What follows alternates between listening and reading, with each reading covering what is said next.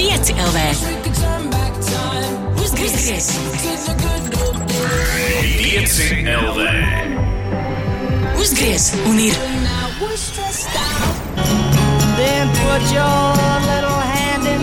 Celies, celies! Vēlies, vēlies!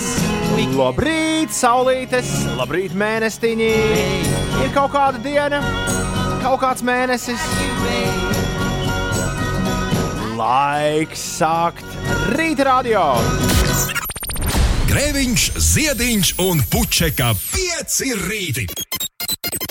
Eterā katru dienu starp 6 un 9. Lai teiktu mums visiem, labrīt! Labrīt, Rīga, labrīt, Latvija, labrīt, pasaulē! Ir 3 pār 6, ir pirmdiena, 18. maija. Šeit 5 rītī! Labrīt, Inesē! Labrīt! Kur tu esi?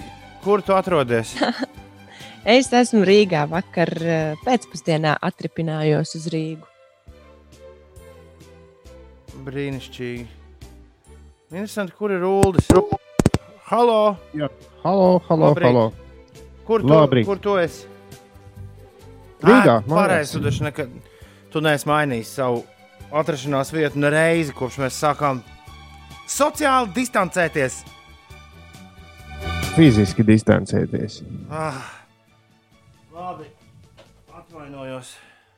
Sociāli, Bet Uldi distanc... iesaku pamēģināt. sociāli distancēties, tas nozīmē ko? Tas nozīmē, Ka tu esi nu, ar Man sabiedrību. tu arī nerunā ar cilvēkiem. Jā. Jā. Jā, mums šādas te trijotnes sarunas sociāli distancējoties nebūtu iespējams. Jā, tad, kad mēs sākām fiziski distancēties, tas bija marta sākums. Tagad ir mā, māja vidus. Laiks iet. Uh, Ines, ko tu darīji brīvdienās? Vai tu noskrēji kādu, kādu kilometru par godu Rīgas maratonam vakar? Vakar tieši man tas pavisam izkrita no prāta, bet visu aizvadīto nedēļu es mazliet paskraidīju. Jā, aptuveni 6 līdz 8 km. Tā kā, nu, es ceru, ka tas skaitās. Var tev, pieskaitās maratonam klāt. var tev nomierināt, neviens, nu, pareizāk sakot, nevis neviens, bet uh, ar tevi kopā bija lielākā daļa skrējēju. Jo vakar desmitos, kad es devos paskriet pa, manuprāt, gan populārām strāsēm, es ne- satiku labi, ja kopā 13 km noskrienot kādus 13 vai 14 cilvēkus tikai, kas man pretī skrēja. Kas ir, Bet savā ziņā tas ir labi. kas ir stipri mazāk nekā sestdienā ar bišķi labāku laiciņu. Tas ir svētdienā ar bišķi labāku laiciņu citos laikos. Bija sajūta, ka uh, visiem ir vai nu paaugstu, vai čuči, vai arī, vai arī aizmi- aizmirsās, ka tāds maratons bija. Redz, uh, 17. Nu jā, esmu paredzēts. Komandā, kuriem aizmirsās. Mm -hmm. Viss kaut kas šajos laikos var, var labi aizmirsties. Dzirdējāt, ka Alnis ir Rīgā bijis vakar, iemaldījies kaut kur vienā mikrorajonā. Purciemā, Nīderlandes ielā. Jā. Un uh, Uldi Roberts Gobziņš sestdienas vakarā tavā pirmajā tiešsaistes koncertā dziedāja vai runāja par Alni? Tieši par Alni nē, jo bija ļoti daudz, bija pārāk daudz citu dzīvnieku. Aha, nebija par sviestmaizēm un puisīti. Nē, tas, tas, tas nebija. Bet tā Aņģa sakarā man ļoti patīk tas, ka viņ, viņš tika sašņorēts du, stāvam durvīs Rīgas turisma un radošās industrijas tehnikumam. Un kā rakstīgās Twitterī, viņš, Vieslektors. ne, viņš uz atvērtajām durvīm bija.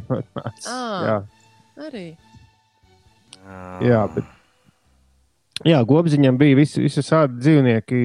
Man pat jā, varbūt jāatver scenārijs, bet Alnis nebija. Un es tikai jāatzīst, es tikai varbūt pa maz iedziļinājos, jo tikai koncerta laikā es sapratu, nu, kāpēc šis koncerts ir par pašizolāciju. nu, tas ir no vārda pašizolācija. Tu gribi teikt, ka tu iepriekš to nesaprati?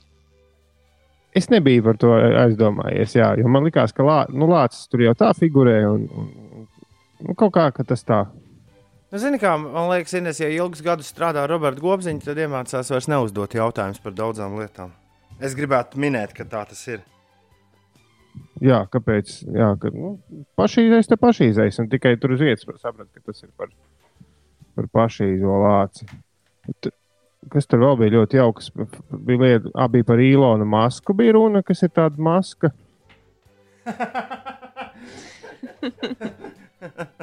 Ilo, Tā- tā Ilonas īpaša- maska. Jā, Ilonas maska. Klausies, izstāstīja, kā jums tur publika bija. Jo, lai arī tas bija tiešsaistes koncerts, jums bija visādi stāvi publikā.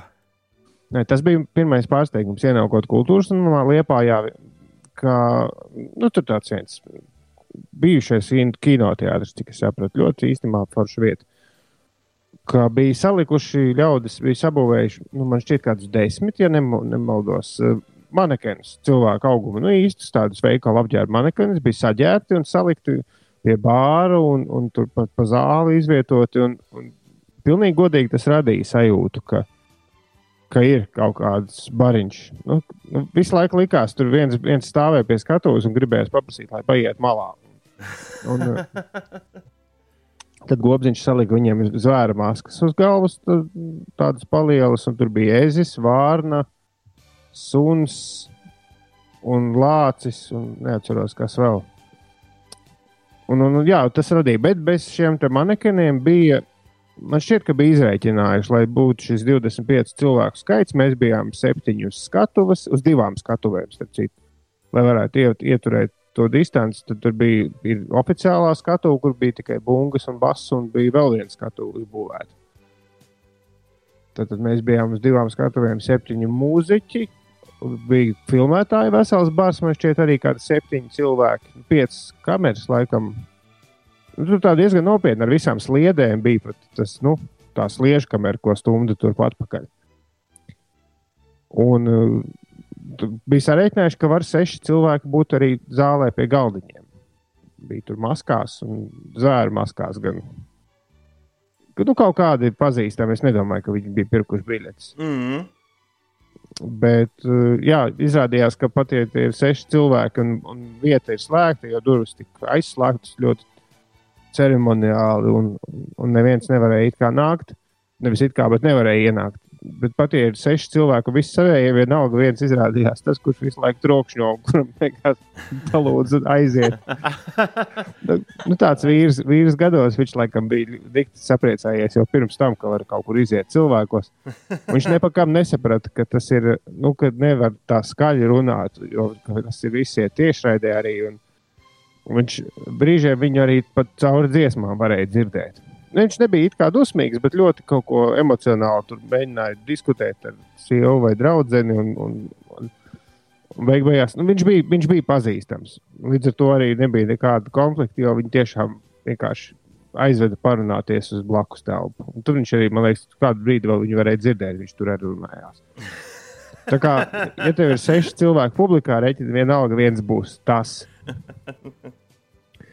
Nu jā, un, un jā, vakar, pašā vakarā saņēmu ziņu ar šī koncerta linku, kas ir Facebookā pieejams. Un, jā, un ar, ar diemžēl paziņojumu, ka, ka ar šo koncertu noslēdzas deviņu. Kon izrādās, viņi bija deviņus koncertus taisījuši šādus tiešraidus. Šis bija noslēdzošais. Šis bija noslēdzošais, jā, devītais. Un tas, kas tur nav pierakstīts, ir, ka, ka viņi raksta, ka tā bija dūla avantūra. Jā, un es spēlēju, domāju, ka, nu, nu, lai kā gribētos ticēt labajam, nu, ir baigi kaut kam jānotiek, lai, lai to visu varētu atpelnīt. Es zinu, ka dažiem tas ir izdevies, bet, bet tur ir jābūt vai nu kaut kādai baigai pirmreizībai, ka tas notiek reizi, pirmā tiešraide un viss. Vai arī tev jābūt nu, kaut kas tiešām ekskluzīvs. Kā jums gāja ar distancēšanos?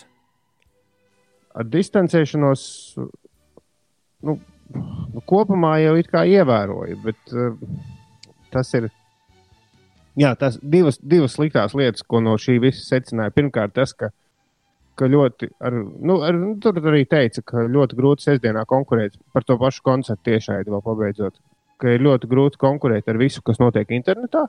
Jo notiek šausmīgi daudz, viss kaut kas gan pa brīvu, gan pa maksu, gan visi ārzemju mūziķi sēž savos Instagram laivos un aktieri. Un, nu, var sakot, ir nenormāli daudz satura digitāli.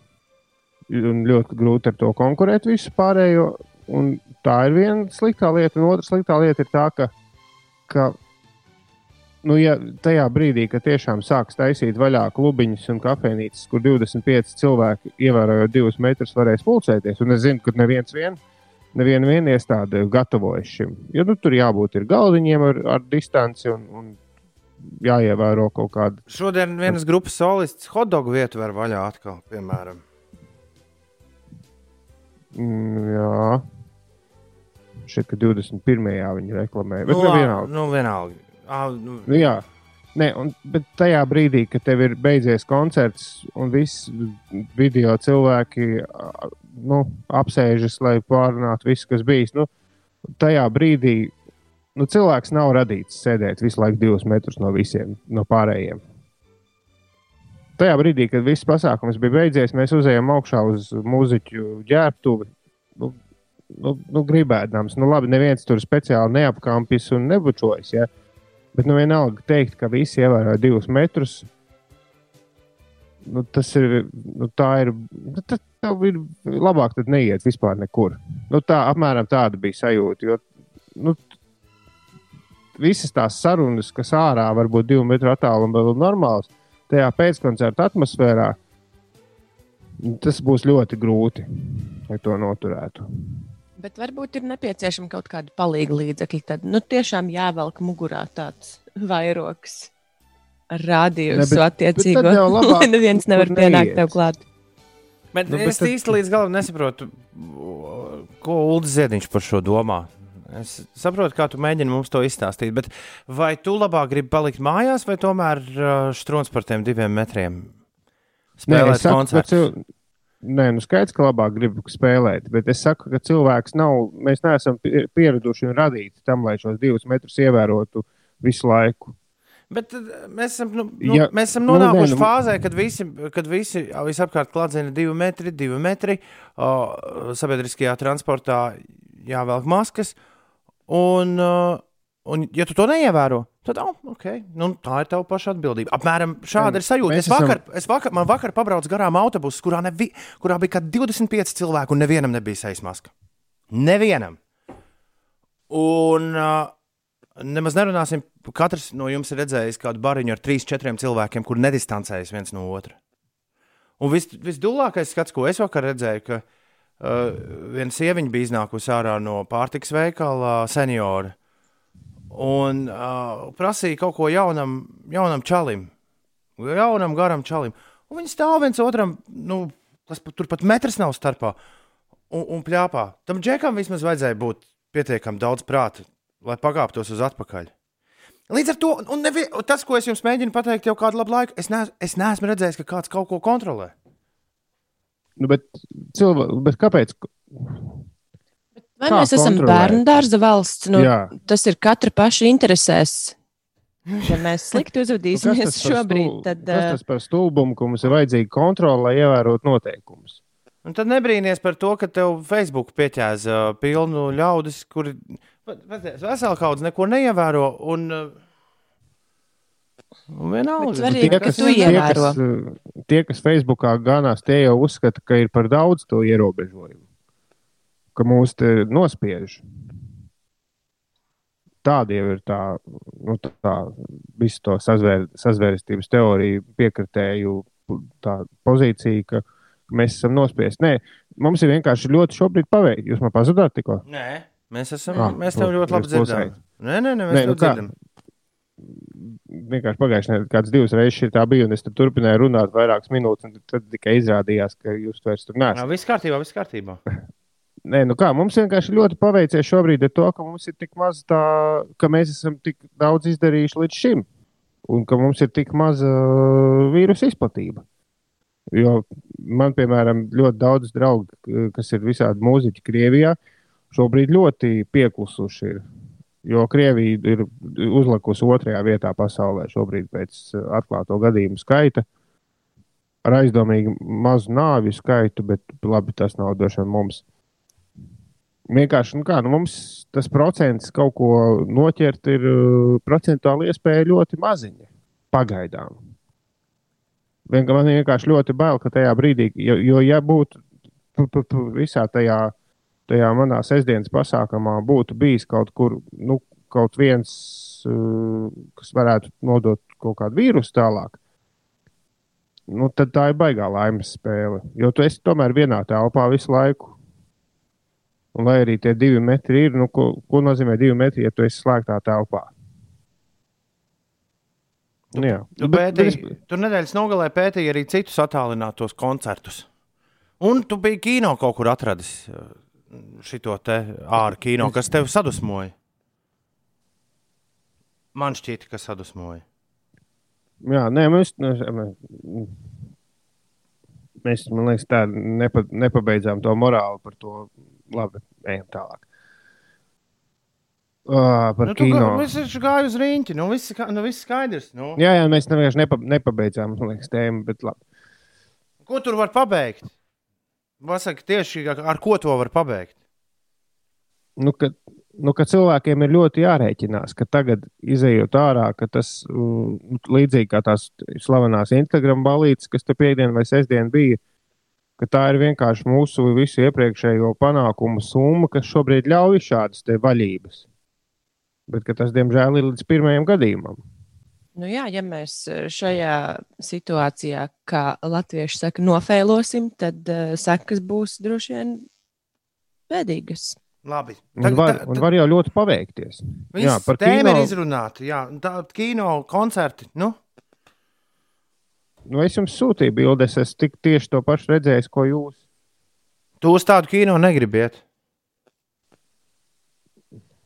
Es Nu- tā sapratu no tā, ko tu mums sūtīji.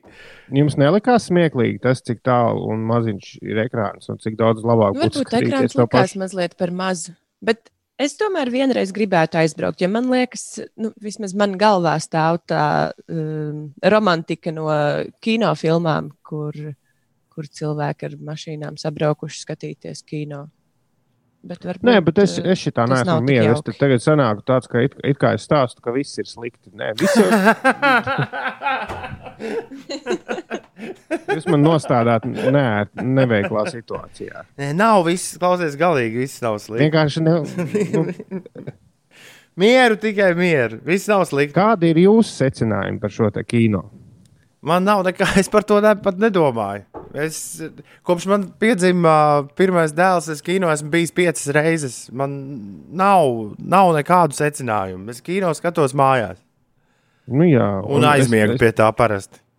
par, par, par Mārķa Auziņa autokoncertu, kurus ļoti labi pazīstu organizators, un, un arī par kinoteātri, kas man liekas arī bija diezgan mūsu pazīstami ļaudis to rīkoja. Viss jau ir forši, bet uh, man šķiet, ka tā kāds raksta vai, vai sa- sadzird ūdī izolācijas depresijas pazīmes. Nē, tā nav depresija, tas ir vienkārši aicinājums mēģināt nedarīt muļķības, lai mēs ātrāk tiekam no šī ārā. Jo tas, kas, tas ko es piedzīvoju sestdien, Un tas, ko es redzēju visos tajos auto un kino koncertos, nu, lai kā stāstītu, ka tas ir, nenorm... tas ir forši. Jebkurš pasākums šobrīd ir foršāk nekā sēdēt mājās. Bet eh, ļoti gribas, lai, lai tas beidzas, un, un mēs ātrāk atgriežamies vienalga pēc pusgada, pēc gada, lai atgriežamies kaut kādā vēl lielākā normālībā. Bet, ja mēs tagad metīsimies visi, tā kā tur tie Instagram influenceri, dejot vienā mazā dzīvo, nu, labi, lielā dzīvoklītī, sānu pie sāna, nu, tad tas ir līdz vienam gadījumam. Tāda ir šī te Es laimi mana- nesekoju laikam nevienam Instagram influencerim. Es arī neredzēju, bet es redzēju tur brīvdienās neesmu redzējusi. Es, es diemžēl neredzēju neko, bet es tur dzirdēju stāstus par piecūkotiem dzīvokļiem. Nu jā, es Twitterī arī lasīju. Nu, jā. Līdz ar to tā nav gluži depresijas pazīmes. Tas ir vienkārši aicinājums nedomāt, ka tagad viss ir vaļā, bet darīt visu, lai ātrāk būtu vaļā pa īstam. Jā, Jā, lai nākamgad notiktu Eirovīzijas dziesmu konkurss. Jo, arī. jo lie, daudzi Eirovīzijas fani sestdienas vakarā man bija sajūta, Twitter lasot līdz galam nepārdzīvoju to, ko bija uh, Holandas televīzija uztaisījusi visiem tiem ļaudīm, kuriem uh, Iz- bija domāta Eirovīzija. Izstāsti, kas tur notika divos vārdos, jo es neredzēju neko. O, tur bija tāds ļoti jauks, uh, nu, tāds kopā sanākšanas vakars, kurā visi pārdzīvoja to, ka nenotiek Eirovīzijas dziesmu konkurss. Bjorns Ulvejs no abas uh, teica uh, ļoti foršus vārdus. mm, bija safilmēti īpaši feini priekšnesumi. Tā izrēlie, izrēliešu dāma, kur atgādināja visu, atcerieties, uz skatuves. Jā, Jā. Tā dziedāja ar, ar tādu mazu mūziku boxu, dziedāja savā guļamistabā jau smuku, pavisam ne vistai līdzīgu uh, dziesmu, tādu lēnu šūpuļu dziesmu. Bija, bija viss kaut kas no Kamona Linets, bija meitene, kas ar kaut kādu vācu čāli abi divi dziedāja vienā Hāgā miera pilī, tā man liekas, viņa sauc. Nu, nē, nu, bija, bija forši priekšnesumi. Priekšnesumiem pa vidu laida fragmentus no šī gada dziesmām, kurām bija jāpiedalās Eirovīzijas dziesmu konkursā. Un katrs dalībnieks arī kādu veltījumu teica visiem. Nu, jā. Bet pirms tam bija raidījums, kurā Samantīna uzzināja lielas ziņas. Zini kā? Rekur, man ir ieraksts. Nu, nu. Bet baigi klusi. Man ir tev jāpasaka tas, ko viņi ir izlēmuši. Man liekas, būs jāraud. Nu, nu. Nē, nu, tu, kā jau es teicu, ir, uh, ir, ir dažādi šie pasākumi, kā nu, katra valsts to, to ir lēmusi. Ir kaut kāda sāla. Rekurs stāv saulētīts, smukas. Nu, nu. Un pēc ilgām un garām diskusijām, kas parādījās jau kopš dienas, kad Eirovīzijas dziesmu konkurss tika, tika atcelts šogad, Latvijas televīzijā daudz un dikti ir spriests par to, ko un kā mēs darīsim. Un, un tad beig beigās ir nolemts. Nevelc. Jā, Nevelc. Būs tev uz to Rotterdamu tomēr jābrauc. Jā. Pirms tam Samantīna uzzināja, ka viņi brauks nākamgad uz Eirovīzijas dziesmu konkursu. Un tur ir viens āķis, cik es saprotu, ļoti būtisks āķis. Mm, Vili, Vilis. Vilis āķis tas šoreiz nav. Jā. Uh, mūziķi tie paši, bet dziesmām dziesmas citas. Mm, Pilnīgi visiem. mm. Nē, nu, tātad no 41 valsts, kas piedalījās, kurai bija jāpiedalās šogad, tikai 18 ir nolēmuši, ka viņi atstāja tos pašus mūziķus. À, tā bija val... Pārējās nu, kā- 23 taisīs savus nacionālos finālus šākā tā, un, piemēram, Igaunija, Igaunija iedeva savam džekam, man liekas, tas, jā, tu vari tev ir automātiski vieta pusfinālā. Jā, tu, tu vari nākt uzreiz ar savu, jebkuru dziesmu, būs pusfināla, lūdzu. Ā. Kā jūs domājat? Man liekas, ka Latvijas televīzija un Ukraina būsim atklāti sasit plaukstus. jo Ukraina, Ukrainā arī, piemēram, nebūs fināls. Viņi sūtīs to pašu sasit plaukstus. No, Ej, vai mums nav jātaisa par to milzu naudu? Atkal atlas. Jej! Bet vai kopumā tas ir godīgi? Nu, ir vieni un tie paši cilvēki, bet dziesmām jābūt citām. Citas valstis atkal izvēlas eh, citus cilvēkus. Kas tieši Eirovīzijā ir bijis Pret- godīgi līdz šim? Nē, bet pret ko tad tas nav godīgi? Nu, arī jā. Nu, Es Pret nezinu, tiem varbūt, citiem piemēram, cilvēkiem, kam jāpiedalās konkursā. pats, nē, tā tīri sportisku noteikumu ziņā. Vai ir garantīva, ka tas pats eh, cilvēks, kurš bija izraudzīts eh, šim gadam, nākamgad uzrakstīs tikpat labu dziesmu? Bet ne jau viņš pats rakstīja. Galvenokārt ir izraudzīti izpildītāji, un izpildītājiem jau tu, tu, tu, nekas ar balsi nenotiks pa gadu. Jā, nu, Es domāju, tas ka- ir, man, es- man tas liekas ļoti interesanti. Un, Es domāju, ka mums ir Principā- laimīgā loza, jo mēs varam sarakstīt vēl labāku gabalu. Un es īstenībā samantas vietā, ja, reiz televīzija saka, ka viņai ir šī zaļā gaisma braukt, es samantas vietā rīkot kaut kādu dziesmu konkursu pati. Nu, privāti vai kaut vai. Ne, nu, viņai tas viss Nu, būs kaut kāds- jāsaskaņo ar televīziju. Tā gluži viņi te nevarēs. Jā, bet vai televīzijai būs galavārds, ka šī dziesma der vai neder? Jā, es domāju, ka. Es domāju, ka es, es ja jūs man prasāt, es vienalga domāju, ka mēs piedzīvosim nākamgad februārī kaut kādu 4-5 dziesmu un šovu prezentāciju. Un tad arī publika nobalsos, kuru dziesmu sūtām. À, nu, tas būtu interesanti, jā, ka būtu vairāki varianti. Es tā pieļauju. Bet tad jau manīs. Jebkurā gadījumā tās bija lielās sestdien, sestdienas vakara ziņas, un lielākas ziņas tā arī mēs nesaņēmām. Starp citu, jā, un dēļ tā, ka sestdien es visu, principā visu dienu nosēdēju tā ļoti lēnām un mierīgi tulkojot tik daudz. Cik nu man bija atsūtīts no tā, kas tur notiks, bija vesela kaudze, kas tur notika negaidot, un tā bija jātulko uz vietas. Bet, bet jā, nu, tā kā viss sestdiena sanāca, bezmaz vai tā, sestdiena sanāca tāda tā kā darba diena, tad es pirmdienas rītā ah, situ dūri pret galdu un gribu brīvdienas. Ļoti labi, ka ir tikai cik vēl četri rīti, ja? jāpieceļas agrāk, un tad jau atkal brīvdienas būs klāt. Un kaut, Vispār, kaut kādā ziņā tā ir šodien ir ļoti, ļoti jāines. Es saku, tikai nu, šodien ir pirmdiena. Nu, jā, bet mēs vēl sākam. četri rīti tikai šorīt. Ja pamodāmies, vēl četrus rītus pamodīsimies, tad būs brīvdienas. Nav Jā, bet ir pierasts, vai ne? Jo es iedomājos, ja man nu, sestdiena bija plus mīnus visi cieti. Mums gan bija tikai divos jāizbrauc, bet vienalga. Nu, diviem, trijos naktī bija mājās. Un, ja vēl būtu piekdiena līdzīgs pasākums bijis, ir ļoti pierasts pie tā, ka brīvdienas ir brīvas. Vai ne? Man arī ir sajūta, ka, oi, sestdien bija tur jābrauc. Nē, nu, forši jau un satikt kolēģis un viss tur izrunāties. Un ļoti daudz sen nebija satikt, un kā kuram gājis, un kurš tur sēdējis divas nedēļas mežā pēc ārzemju brauciena. Un visu kaut ko izpļāpājāmies. Bet sajūta ir tāda, jā, ka ārpats vispār atpūsties nesanāca.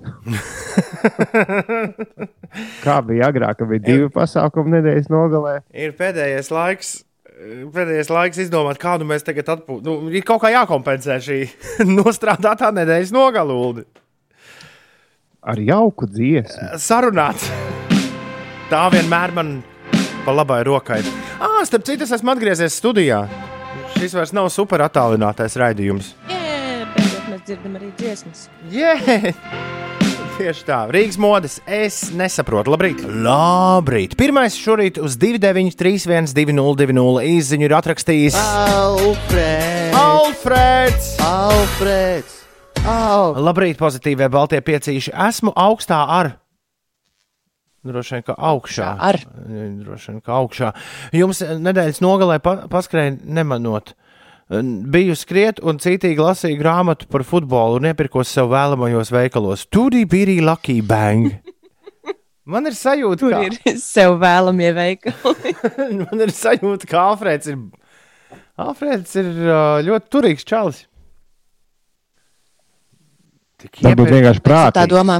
Es vairs nevaru iepirkt. Viss, man nauda ir beigusies. Es, man, es nevaru aiziet. Tu nevari iepirkties sev vēlamajos. Es nevaru sev vēlamajos veikalos neko nopirkt. Alfred, varbūt tu man gribi kaut ko nopirkt. Šis ir joks. Šis ir joks. Jā, Jā, bet Es es, atzīšos, vispār ka šomēnes man arī tā ir, kā veidus, ir. jā Alfred, pa, paklausies. šo. Bet dažas veidus, kā ietaupīt, es esmu tomēr atkodis. Piemēram, Es sestdien man bija pirmais takša brauciens kopš marta uh, sākuma. Un tad es sarēķināju, cik es takšos nobraucu iepriekš. Nu, labi, mm -hmm. cits to pašu notērē arī sabiedriskajā transportā. Man tas mūžīgais attaisnojums ir tas, ka, ka es uz otrā virzienā eju ar kājām mājās.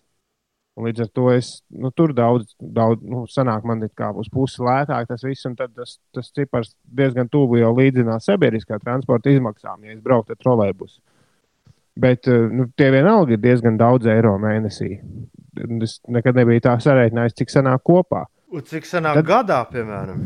A? Jā, jā tur aiziet laba summa. Tad es sapratu, ka es neesmu pircis gandrīz nevienu pudeli gāzētā minerāla ūdens, kopš sēžu mājās. Es visu laiku dzeru krānu ūdeni. Tur arī būs. Pāri krāna ūdeni vai pat aizno no krāna dzer. Pat taisno. Eiropas Es-. Savienībā Ines, eh, jebkurā valstī ir jābūt no krāna dzer, atgriežot krānu dzeramam ūdenim. Tā ir normatīva. Nu, ir, Bet varbūt viņš- ūdenim garšo ir, ir valstis, kurās tā labāk nevajag darīt arī Eiropas Savienībā. Un, un ir pilsētas, kurās tas ūdens nav garšīgs kaut kāda tāda vai citāda iemesla dēļ, bet Rīgā, Rīgā mm, man liekas, ka mums ir ļoti labs ūdens. Mm. Ja vēl ir uzlikts kaut kāda, uzlikt vēl kaut kāda mājā filtriņa, tad pavisam. Uh. Jā, redz, man tāda, t, t, tie filtri droši vien pasargā no tā pēdējā posma, nu, tās trūkumas, kas tev līdz dzīvoklim atved to ūdeni. Nē, nē, filtri principā- man, piemēram, daudzās vietās, kur esmu dzīvojis pēdējo gadu laikā, ir nu, centralizēti pašai mājai filtri. Jā, jā, tāda lieta. Ja ne, ne, pašam man nekāda filtra nav. Bet nu, tā, ka tev jau tek vēl tīrāks ūdens. Nu, jā, Man bet tas ir rubrikā. dzīvoklī bija dzīvokļa filtrs. Nu, tāds uzlikts. Jā, Bet šajā dzīvoklī raksta, es ka viņš nezinu, iepircies, kāpēc. viņš iepircies aptuveni Jā. 5 līdz 8 veikalos. Jēzus. Tā vajag iepirkties. pirmkārt, pirmkārt, tas nav droši, Alfred, šajos laikos. Šobrīd. Un interesanti, ka tas cipars ir tik tā amplitūda, tik plaša. Varēni. Es reiz dzīvoju virs bāra, un, un jā, to jums droši var teikt, ka nav tīrāk ūdens kā mājā, kurā ir bārs. Nu, Mēs mazliet minerālu ūdens tek ārā pa krānu ik reizi, kad tu atgriezies. Gāzēts? Šis bija joks, Ines. Šis bija viens no pirmajiem gabaliem Arcade Fire koncertā Meža parkā. Nu, pēc koncerta programmas. Ko Monreālas psihedēliskais indiju orķestris spēlēja mūsu zemē. Nes, kad nākamreiz pienāks reize, kad uh, Ulu mēs abi būsim Arcade Fire koncertā. Jā, Jā. 6,41. Pirmdiena, 18. maija. Šeit Latvijas Rādio 5, 5 LV, 5 rītī. Bauskas lācis, labrīt! Girts ir pamodies, labrīt, Girt. Un pamodies ir kāds anonīms klausītājs, kurš raksta, esmu jau cēlies, Tom, paldies par centību katru rītu. Labrīt! Kā jaunie pirkumi, kādas emocijas, vai arī talkojāt? Pašam sanāca vienu maisu pietalkot, laikam dzīvoju ultratīrā rajončikā. Es par talku biju atzīšos, pilnīgi aizmirsis. Bet šorīt, izējot ārā no mājas, es pamanīju, ka kaut kādi vēl ir visu kaut ko sametuši ap māju, ap mājas sētu un sāk domāt, ka varbūt šodien ir katra diena līdzīgi kā ne, Ziemassvētkos mēs sakām, nevajag. Uh, nevajag uh, jau speciāli Ziemassvētkus, lai dotu citiem dāvanas, vai ne? Var katru dienu dot dāvanas. Pienāk Valentīna diena, mēs sakām, nu nevajag jau tikai ziedus un šokolādi dot un teikt labus vārdus, un es tevi mīlu tikai šajā dienā. To vajag darīt visās citās dienās. Es tāpat varētu teikt par lielo talku. Nu, nevajag jau tikai talkot tajā dienā. Es taču varu šodien lielo talku piekopt, vai ne? Jā bet šī talka Jā. mums ir. Man, man kaut kā liekas, ka šī talka mums ir nojaukusi. Un arī nu, visa šī pandēmijas lieta kaut kā ir atstājusi pagātnē to, ka aprīlis taču vienmēr bija spodrības mēnesis. Bet tagad ir katra, katra sestdienas, svētdiena, ir podrības mēnesis, un, ja tu neesi pamanījis, Nu, labi. tā tas ir daudzās mājās. Ir ā, 6,42. Labrīt! Today very lucky. Congratulations me! Yay! Cēlies augšā ir pirmdiena klāta. Šodien mainīgs mākoņu daudzums gaidāms no dienas vidus vietām centrālajos un austrumu rajonos īslaicīgs lietus, iespējams pērkona negaiss. Pūtīs lēns līdz mērens rietumu puses vējš, brāzmās līdz 15 metriem sekundē, un gaisa temperatūra šodien plus 9, plus 13. Galvaspilsētā šodien bez nokrišņiem un būs gana saulains, un jau šobrīd zils, zils debestiņš un, un patīkami, jā, plus 12, plus 13 un saulains, bet rītdien gan mums tuvojas lietus mākoņi. Jā, nāks tie virsū un bišķiņi palīs. Bet pēc tam toties atkal ļoti iespējams, ka būs uh, skaidrs un augsts laiks visu atlikušo darbu nedēļu. Bet nākamā nedēļa, nu tā nu gan bišķiņi arī sāks kāpt. Tie, tā temperatūra sāks palikt arī divos ciparos, ne tikai vienā, kā tas ir joprojām šonadēļ. Reti augsts mājas, reti, a- a- reti augsts. B- Interesanti, ko tas nesīs tālāk. Vai tas, vai tas mums tieši iedos karstu vasaru, vai arī šāds te jā, būs tagad uh, līdz pat rudenim. Nu, Varam, protams, par to cepties un diskutēt, bet tāpat, ne, kā būs, tā būs. Neko jau mēs daudz nezinām, kā nu būs. Ietekmēt jau arī neko nevaram. Ko lūdzu?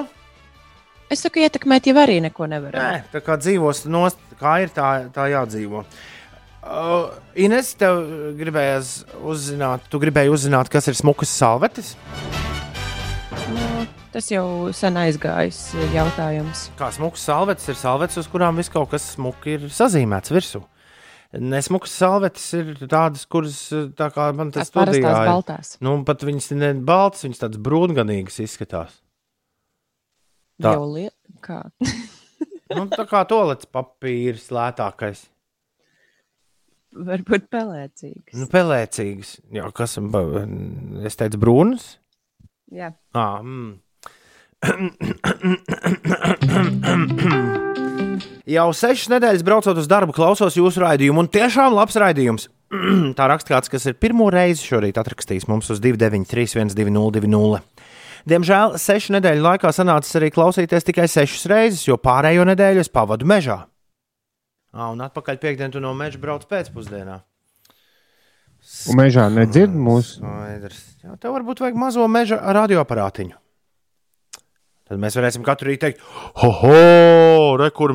Man ir efekts, kāpēc es mākslos. Man ir efekts mašīna, taču apakaļ. Tur, kur tā jābūt. Oho, labrīt! Šeit meža radio. Meža veči un vecene.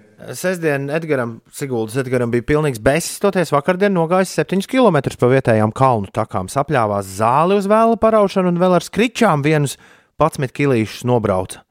Būtu dragājis vēl, bet jau vakars bija klāts. Tā dažreiz gadās. Edgars, vai ne? Vakars pēkšņi tevi pārsteidz nesagatavot. Ko tu Ulu gribēji teikt? Es gribēju teikt, ka eh, par skričām runājot, pie tā skriču veikala pie Ines mājām netālu joprojām rindas stāv katru dienu. Brauc garām. Man liekas, tas ir bildes Iespējams, arī jau šajā rīta stundā. Viņi, viņi jau tur stāv. varbūt, varbūt tev arī jāiestājas. Varbūt. Kā var būt veseli vairāk nekā mēnesis visu laiku izpārdošana ar rindu pie tam? Vai, nu, tā rinda jau ir tāda ar labām divu, divu metru spraugām, tāpēc tā rinda tev pievērš uzmanību. Ah, bet varbūt, ka tur vienam bet tikai viens dienā dabū. Varbūt. Inesē, Jā, Inesē, Inesē. Inesē. beidzot es varēšu pastāstīt, kas notiek. Nē, Nē. nē, nē, nē, nē, nē? Tāpēc, ka nekas nenotiek.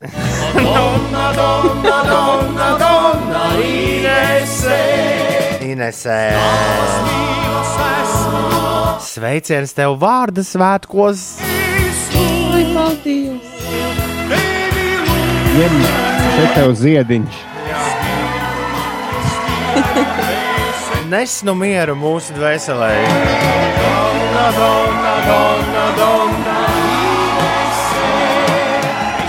Ineses vārda diena šodien. Kas, kā tas svinēsiet, ko? Ai, zinu, neesmu īsti domājis par to, par svinēšanu. Draugi nedrīkst nelūgt nākt tagad šajos apstākļos. Līdz 25 uz 3 stundām var. Rūtīšu dzīvoklī. On? Jā, Tur tur labi, jau- ja trīs cilvēki var ar divu metru at, atstarpi atrasties. jūs nekad neesat bijuši rūtīšu dzīvoklī, un jūs nezināt, cik tas ir liels. Otrkārt, šodien ārā ir gana labs laiks, lai varētu satikties arī ārā. Jā, bet mēs Tas jau nezinām ar rūdu, uz kurien ir jāiet. Lai, Ā, jūs lai, arī gribat būt nelūgtie viesi. lai netīšām kļūtu par nelūgtiem viesiem. Un Alfrēds arī nezina, Siguldas Edgars nezina. Vēl daudz. Pagaid, tev bija apsveikums arī te atnācis no. no mm, kur viņš pazuda? Es pazaudēju Ines apsveikumu. No Pelēča. Pelēčs rakstīja, piecīšu Ines jauku un priecīgu tev vārdu dieniņu. Jā. Oi, pelēts, paldies! Bet Neizklausās, ka Ines mums tas stāstīs, kur tagad jāiet. Nu, nav man īsti nekāda plāna, jo, kā jūs zinat, es sev uzdāvināju vārdu dienā tādu diezgan lielu pirkumu, un tas ir pamatīgi iesits man pa maciņu. Mm. To Grīķi atgād- vien, griķi vien būs tagad jāēd. Jā, bet lai, lai, lai tas, nu, lai tev pašai ir sajūta, vajag visu laiku sev atgādināt. O, es ļoti priecājos par to savu pirkumu. Ļoti, ļoti. Ines nopirka automašīnu, ja kāds to nesaprot. Inesē, pastāsti, kas notiek. Jā, sākšu ar tādām autobraucējiem eh, interesējošām Kā ziņām. Uz tev, Rīgas, vai ne? jā, Jā. Uz Rīgas apceļa Baltazars Saulkalne pārvada pār Daugaupils šoseju uz laiku. Satiksme organizēs pa vienu braukšanas joslu, tā informē Latvijas valsts ceļi. Šajā vietā arī būs ātruma ierobežojums 50 km/h, un šie ierobežojumi ieviesti, jo tiltam ir slikts tehniskais stāvoklis. Ielas seguma atjaunošanas darba dēļ no šodienas līdz 18. jūlijam būs ierobežota satiksme un gājēju kustība sporta ielas posmā no Krišjāņa Valdemāra ielas līdz Skanstas ielai. Tas eh, galvaspilsētā un vēl Rīgā būvdarbu dēļ no šodienas būs ierobežota satiksme Marijas ielas un Bruņinieku ielu posmos. Latvijas Universitātes botāniskā dārza apmeklētājiem eh, līdz 1. oktobrim būs iespēja piedalīties augu veselībai veltītā orientēšanās spēlē, iepazīt izplatītākos augu veselību un bioloģisko daudzveidību apdraudošos organismus Un vēl, lai nodrošinātu iespēju nokļūt uz eksāmeniem un konsultācijām, no šodienas līdz 9. jūnijam Rīgas skolu 9. un 12. klašu skolēni sabiedrisko transportu galvaspilsētā varēs izmantot bez maksas. Ir bez sešām minūtēm, septiņi no rīta. Labrīt!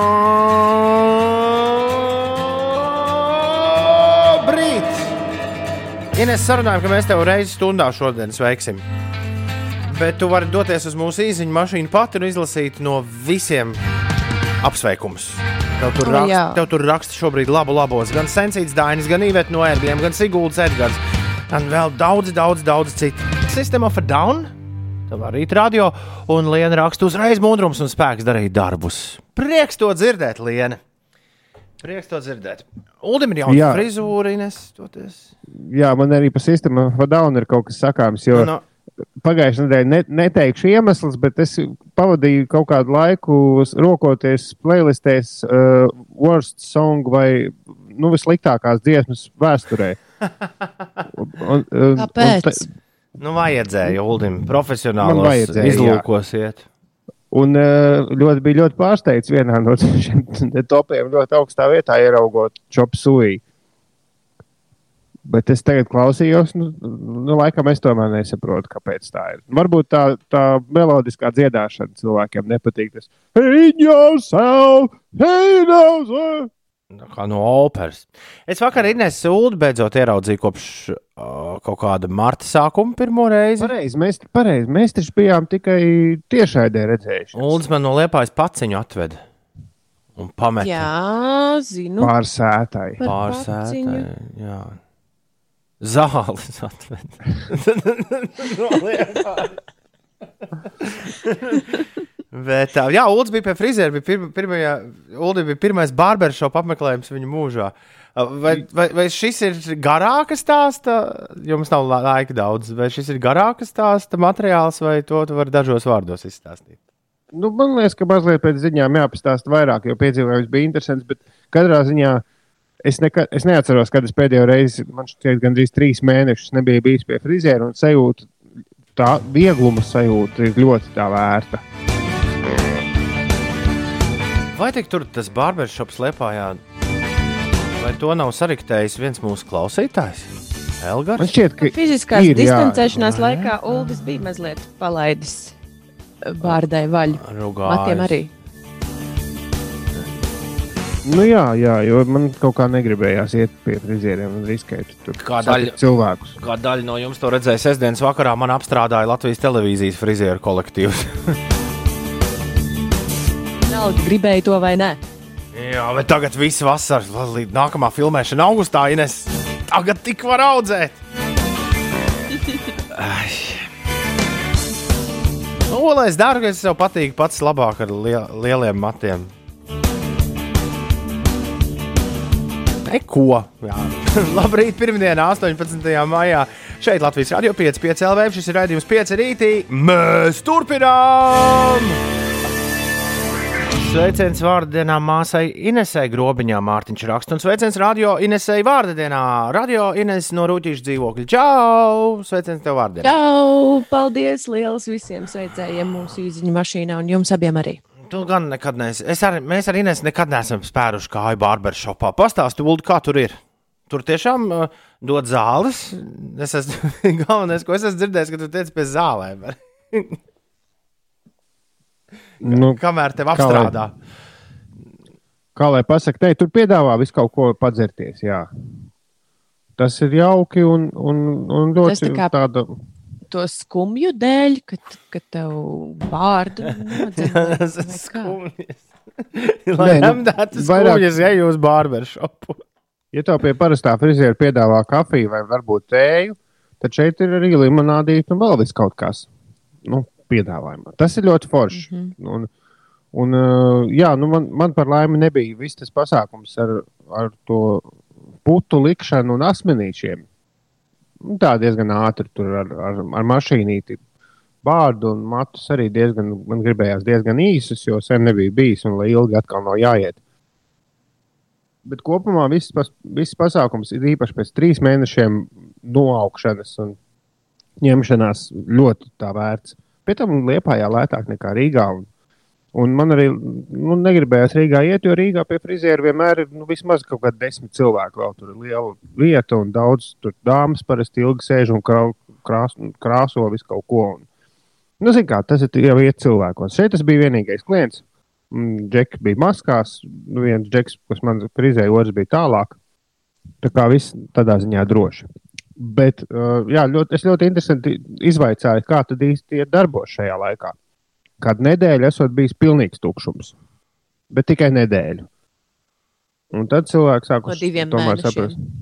Nu, jā, pa, pašā, pašā karant, nu, šī māja, paliec mājās. Laika sākumā esot bijis pilnīgs vakums. Bet tad pamazītēm cilvēki sapratuši, ka tomēr kaut kas jādara un sākuši atkal nākt. Šobrīd es prasīju, kā jūs tā sestdienā strādājat. Viņš teica, sestdienā ir pilna diena, viss riktīgi griež. Tad to es noskaidroju. Tad vēl es noskaidroju, jā, ka esot, uh, ļoti, nu, esot ļoti, ļoti redzams un parasti bēdīgi redzams tas, kurš ir nu, pats kaut ko mēģinājis griezt. Ir īpaši ar mašīnītēm. Saka, jā, tādi nāk daudz tagad.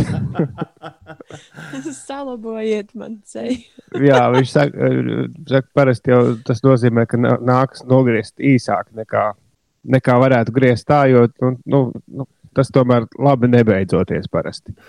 Bet vispār tu kādreiz esi mēģinājis to putu un asmeņu pasākumu. Man tas vienmēr ir licies diezgan biedējoši. jo Bārdai? Nē, nu, es jau, es Jā. jau gal, galvenais, galvenā griešana man bija mati bārdu. Man viņš tur tikai tā bišķi apskūva un ieziet Jā. kaut kādu, kaut kādu, kaut kādu eļu vai kaut ko tur bārdā. Un uz divām minūtēm tavu bārdu labi smaržoja.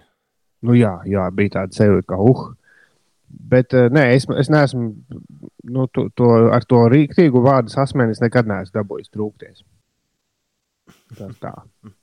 Bet, in, bet, jā, protams, kā jau visur liepājā pie sienas bija porziņa uh, krekliņš ar autogrāfu.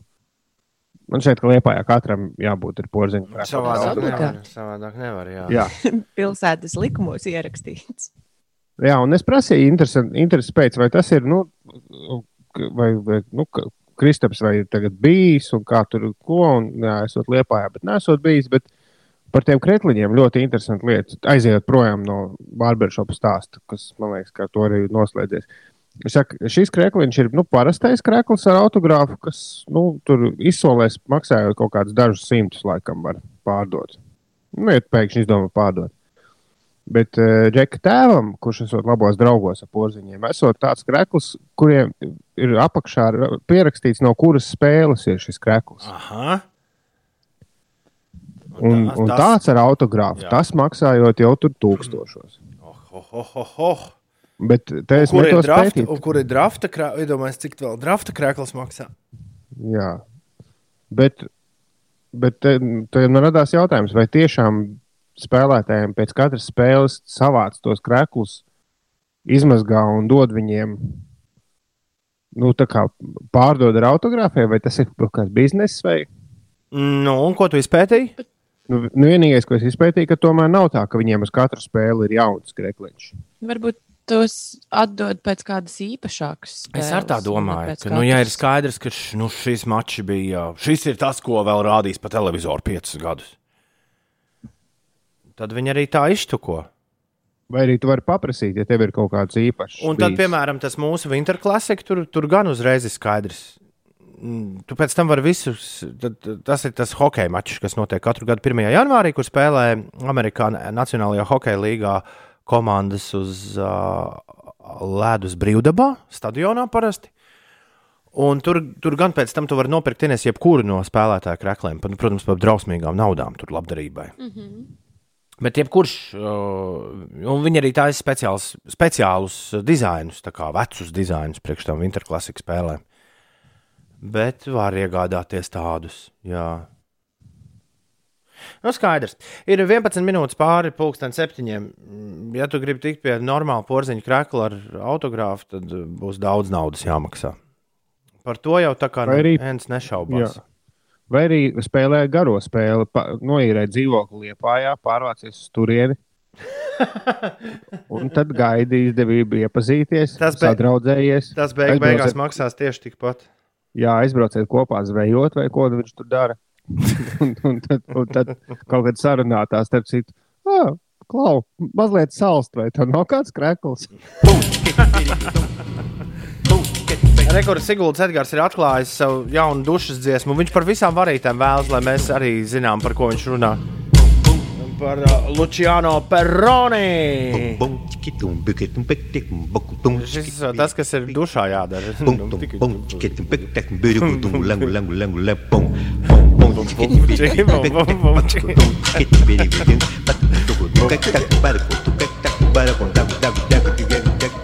Pēdējais imperators raksta, wow!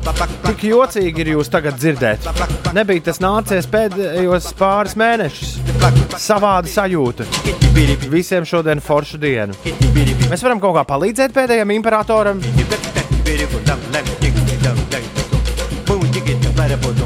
Mm, Neizklausās, ka maniem kolēģiem pēdējais Es imperators klausos to bumčiki, bumčiki, ir bumčiki, bum. kāda.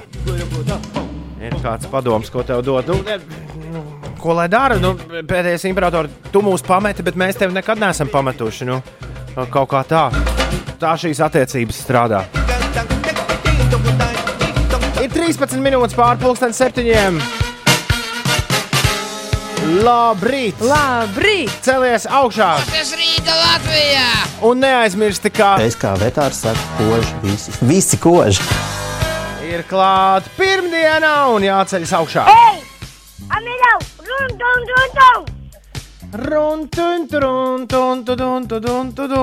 Inesai vārdu dienu šodien arī Ērikam un Inesim. Ēriks un Inesis ar Inesi kopā svin šodien. Mūsu kolēģei no Latvijas Rādio 3 eh, no klasikas Signai Laksdiņai šodien dzimšanas diena. Daudz laimes, eh, Signe! Kasparam Daugaviņam, hokeistam šodien dzimšanas diena. Latvijas Nacionālās operas diriģentam Mārtiņam Ozoliņam daudz laimes. Motosportistam Mārtiņam Aleksandrovičam, Aleksandrovičam jā, daudz laimes. Uh, Mišels Kretū, vācu mūziķis no Enigma. Svin dzimšanas diena. Man visu laiku likās, ka viņš ir franču mūziķis, un tāpēc viņš ir Mišels, bet te ir pēkšņi Viņš ierakstīts ir vācu Mihails- izcelsmes izrādās. Mihails Kretū. Arvīts Mūrnieks viņu visu man bērnību sauc par Mišelu Kretū. Man arī likās, ka viņš ir. Bet tas dēļ Sandras, vai ne? Kur tur? Oh, Tibois, oh, Tibois, Tibois. Un Sandrai arī šodien ir dzimšanas diena. Jā, kur nezinu, kāpēc. Lai tā bija ierakstīta Sandra, Sandra, vai viņa tiešām sauc Sandra, Sandra? Ak, Dievs! Tīnai Fejai šodien dzimšanas dienā. Dzimšanas diena, daudz laimes viņai un U- Uldim kolēģis Big Bandā. Šodien viņa dzimšanas diena. Nu, apsveic Jā. pats viņu. Pati pirmā trompete, Andris Augstkalns. Daudz laimes Andrim, lai šodien viss pa pirmo. Klausies, Un, pieci. un, un, Nu, un, nu, nu, nu, nu. Edvārdiem dzimšanas diena šodien. Eda vārdiem šodien dzimšanas diena. Wow! Es ne, Daudz mēs viņu atradām Facebookā, bet es nezinu, vai, vai, vai, vai saukt vārdā, uzvārdā. Nē, Man nē, liekas, ka šādi, šādi tomēr vairāk sapratīs. Es domāju, ka pietiks, uh, pietiks vien, ka apsveiksim Eda vārdus un, un neko turklāt vairāk neliksim. Pierakst scenārijā, lai tev paliek uz nākamo Ir. gadu. Kas ir? Bija pa- pats pirmais. Bija. Kristiānam Drākiem šodien no Latvijas koncertiem vēl aizsūtām. Manam bērnības draugam aizsūtām sveicienus. Daudz laimes dzimšanas dienā visiem, lai šodien viss pa pirmo. Klausies, pieci LV. ir tāda sajūta, ka vesela kaudze patiešām sataisījuši dziesmas ir mūziķi jau tā kā iepriekš domājot par nu, skolas beigu dejām. Nu, gan izlaidumu valšus, gan Amerikā atcerieties no filmām. Tur sporta zālēs vienkārši ir balva lielā, nu, gada beigās. Nu, tā jau tā sezona tāda ir, bet laikam, ka. Visi, ne, redz, šogad šie, iesāp, šie saplānoja no, novembrī. Bībers ar Grandi abi divi iegāja studijā. Uz šitu, pie šitā gan tā kā laidīs un dejos. Te tev nu bija. Te nu, nekas nu bija. virtuāli. Sveicieni pirmdienā. Šodien atkal braukšu uz oficiālu strādāt klātienē, raksta kosmonauts. Cerams, ka laiks būs ok un klātienē nebūs daudz cilvēku klātienē.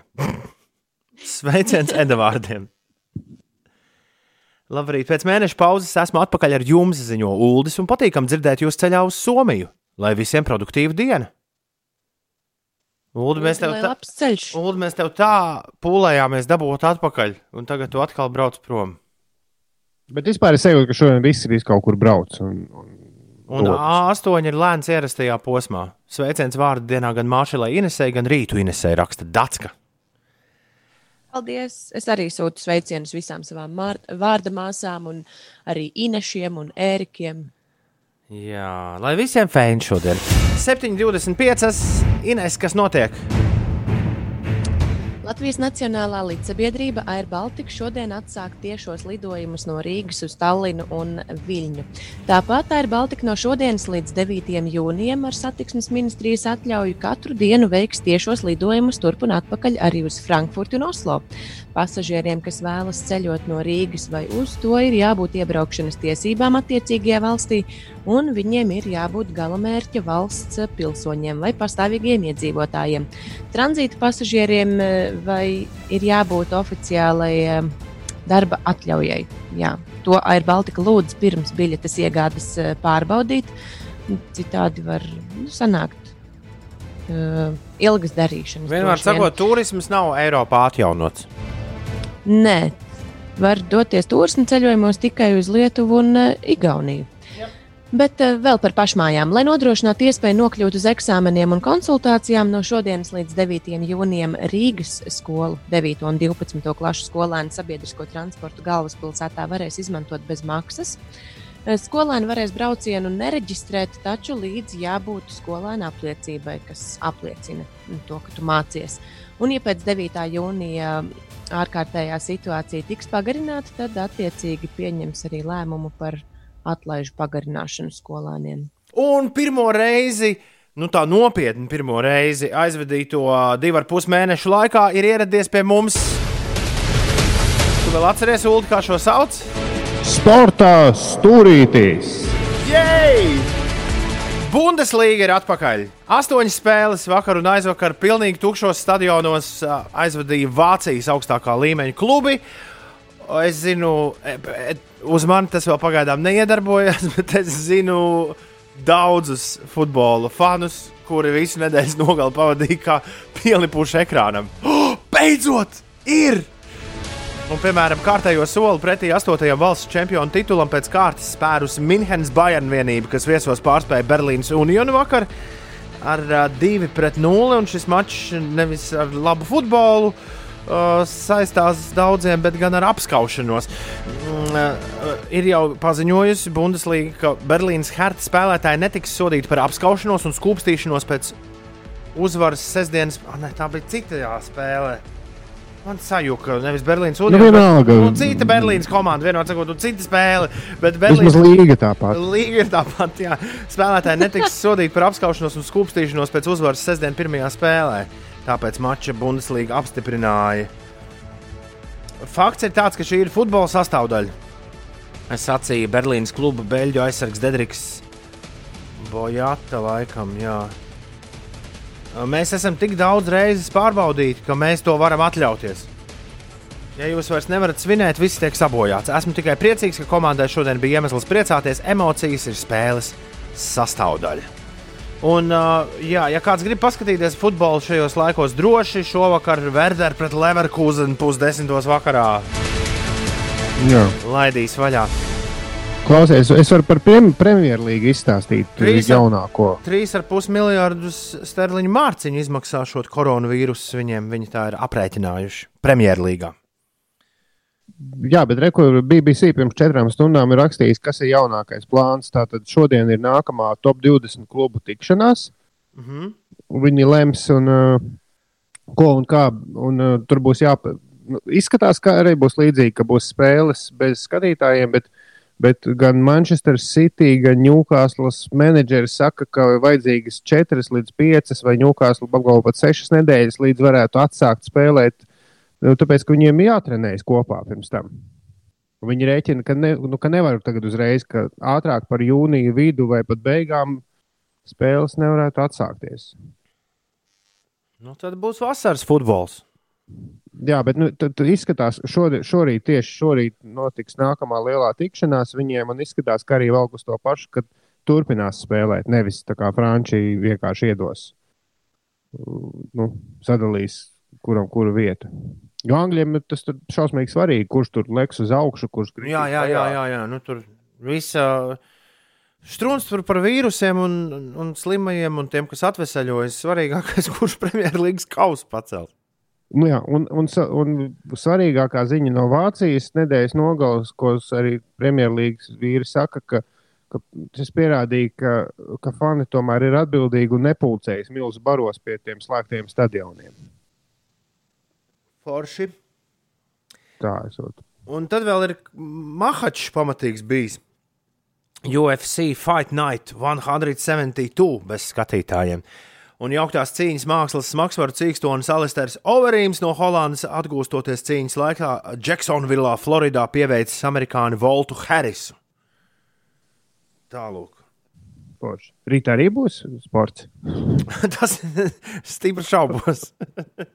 Tas mums tagad būs tāds nu, īpašais, uh, tā kā saldais ēdiens. Īpaši kaut, kaut, kaut, kaut kas foršs. Forši. Nu, Bet man ar kolēģis teica, nu, kaut vai kādu futbolu paskatīties. Tā kā redz, ka tagad vismaz ir. Jā, Ines, Donam ir kaut kāda dziesma par tevi. Ko? Tu to esi, neesi dzirdējis. Nu, kāds raksta, vai šorīt jau izskanēja dziesma? Tu taču spēlēji. Ah, es, es pārlasījos. Man liekas, ka Donam dziesma. Bet Dona, ne, Dona Ines. To. Kā Nu, ir, pirmdi, ir pirmdiena, un vakar jaunie cilvēki negāja gulēt laicīgi. Un, un, un, un, un man nebija īsti brīvdienas. Es jau sūdzējos, bet, man īsti nebija brīvdienas. Lieciet man ir- mierā. Bet ir forši, iedomājies, uzliec tagad Donu Inesē vārdu dienu šodien. Mēs sveicam visu rītu. Ied, uzliec to Donu Ines un iedomājies, ka tur dzied Dona Inese. Donna, donna, donna, donna, Inese.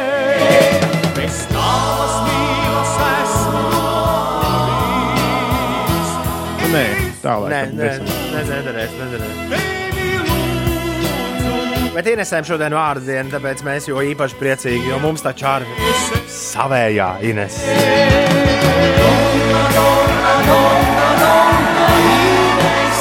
Labi, nu jau pietiks.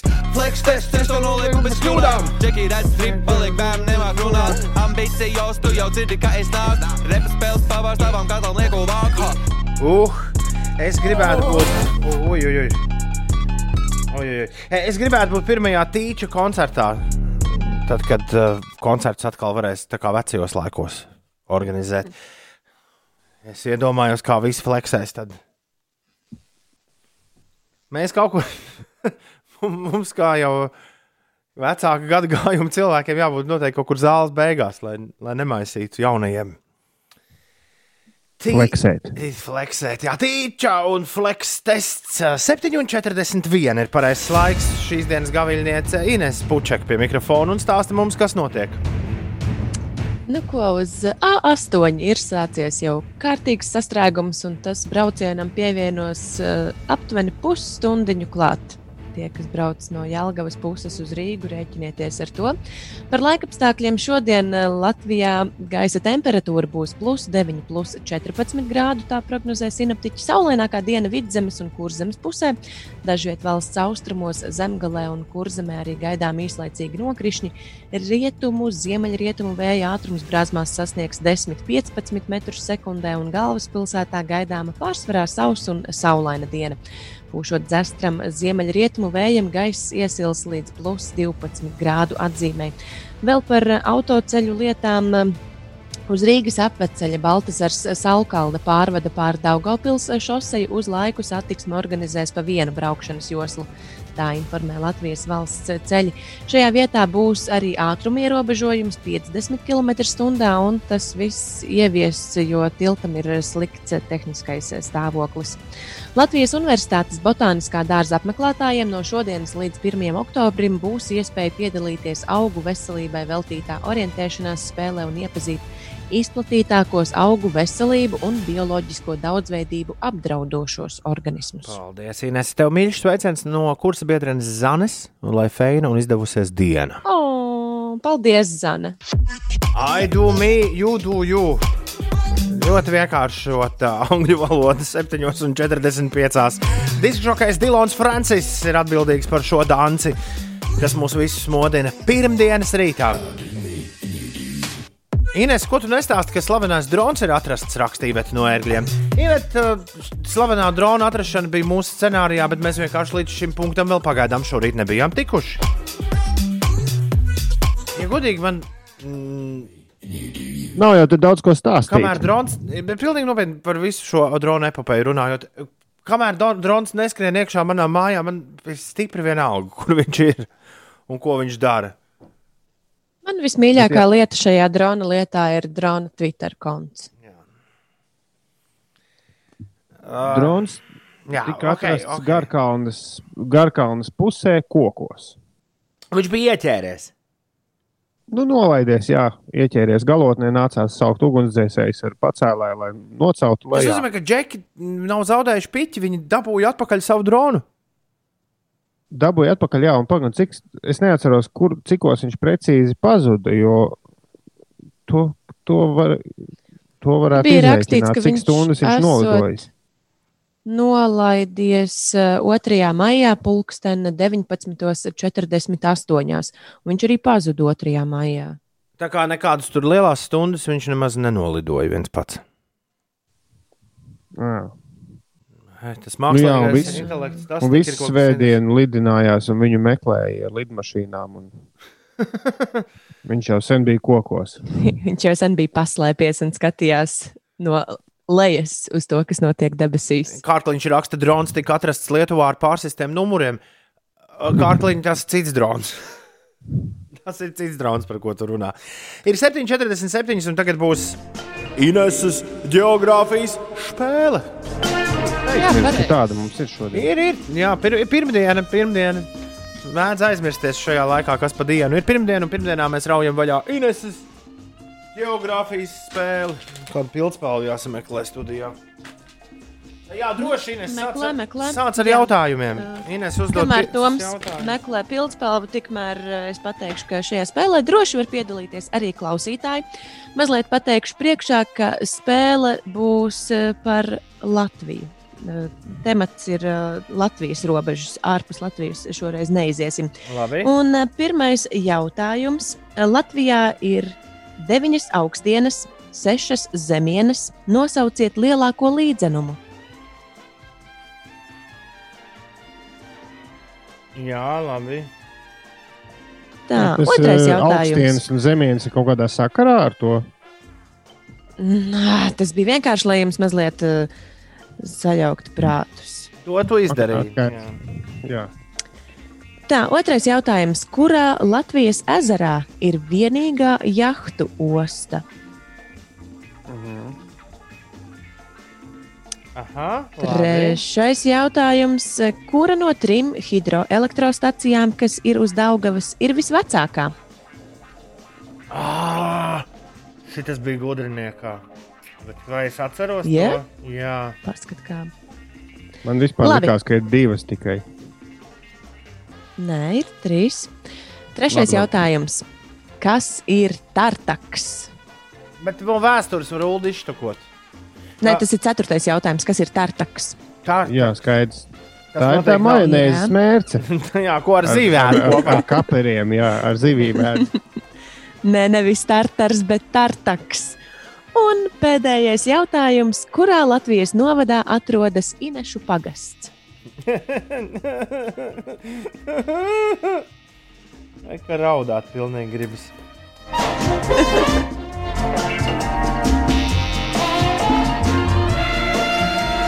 Man lūdzu, kafē leit. Jā, Aiziet, gudrinieki! tartaks. Tartaks. Ineses geogrāfijas spēlē! Laiks atbildēm. Jā, laiks atbildēm. Uldis noteikti vinnēja Neskatieties! Ko? Jā, Uldis gan jau, Uldis gan jau vinnēja iepriekšējā spēlē, bet uh, Noteikti. neskatieties īziņa mašīnā, jo jums ir nopietna konkurence. Aha, aha. Jā, Īziņa mašīna ir cieta. Jā, un iedvesmai pateikšu arī, ka tie cilvēki, kas ir atbildējuši īziņa mašīnā, ir atbildējuši lielākoties pareizi. Uz gandrīz visiem jautājumiem. Tad jau mums ar labi ies. Cerams. Labi, sākam. Pirmais jautājums bija par uh, Latvijas lielāko līdzenumu. Kurš tad tas ir? nu es kaut kā vispār lat vārdu līdzinums Latvijas sakarā neesmu daudz dzirdējis. un Vienīgais, kas man nāk prātā, ir zemgals līdzinums. Zemgals līdzinums ir arī mana atbilde. Jā, ar plato e, zemgales līdzenums. Zemgals līdzinums. Taisnība ir. Jā, Nopietni, ir jā? dažādi. Ir, ir dažādi jā, līdzenumi, Jersikas līdzenums un, un vēl šādi tādi, bet tas lielākais ir zemgals. Zemgals līdzinums. Lieliski! Otrais jautājums. Kurā Latvijas ezerā ir vienīgā jahtu osta? Ķīšezerā. Skuldi. Usmas.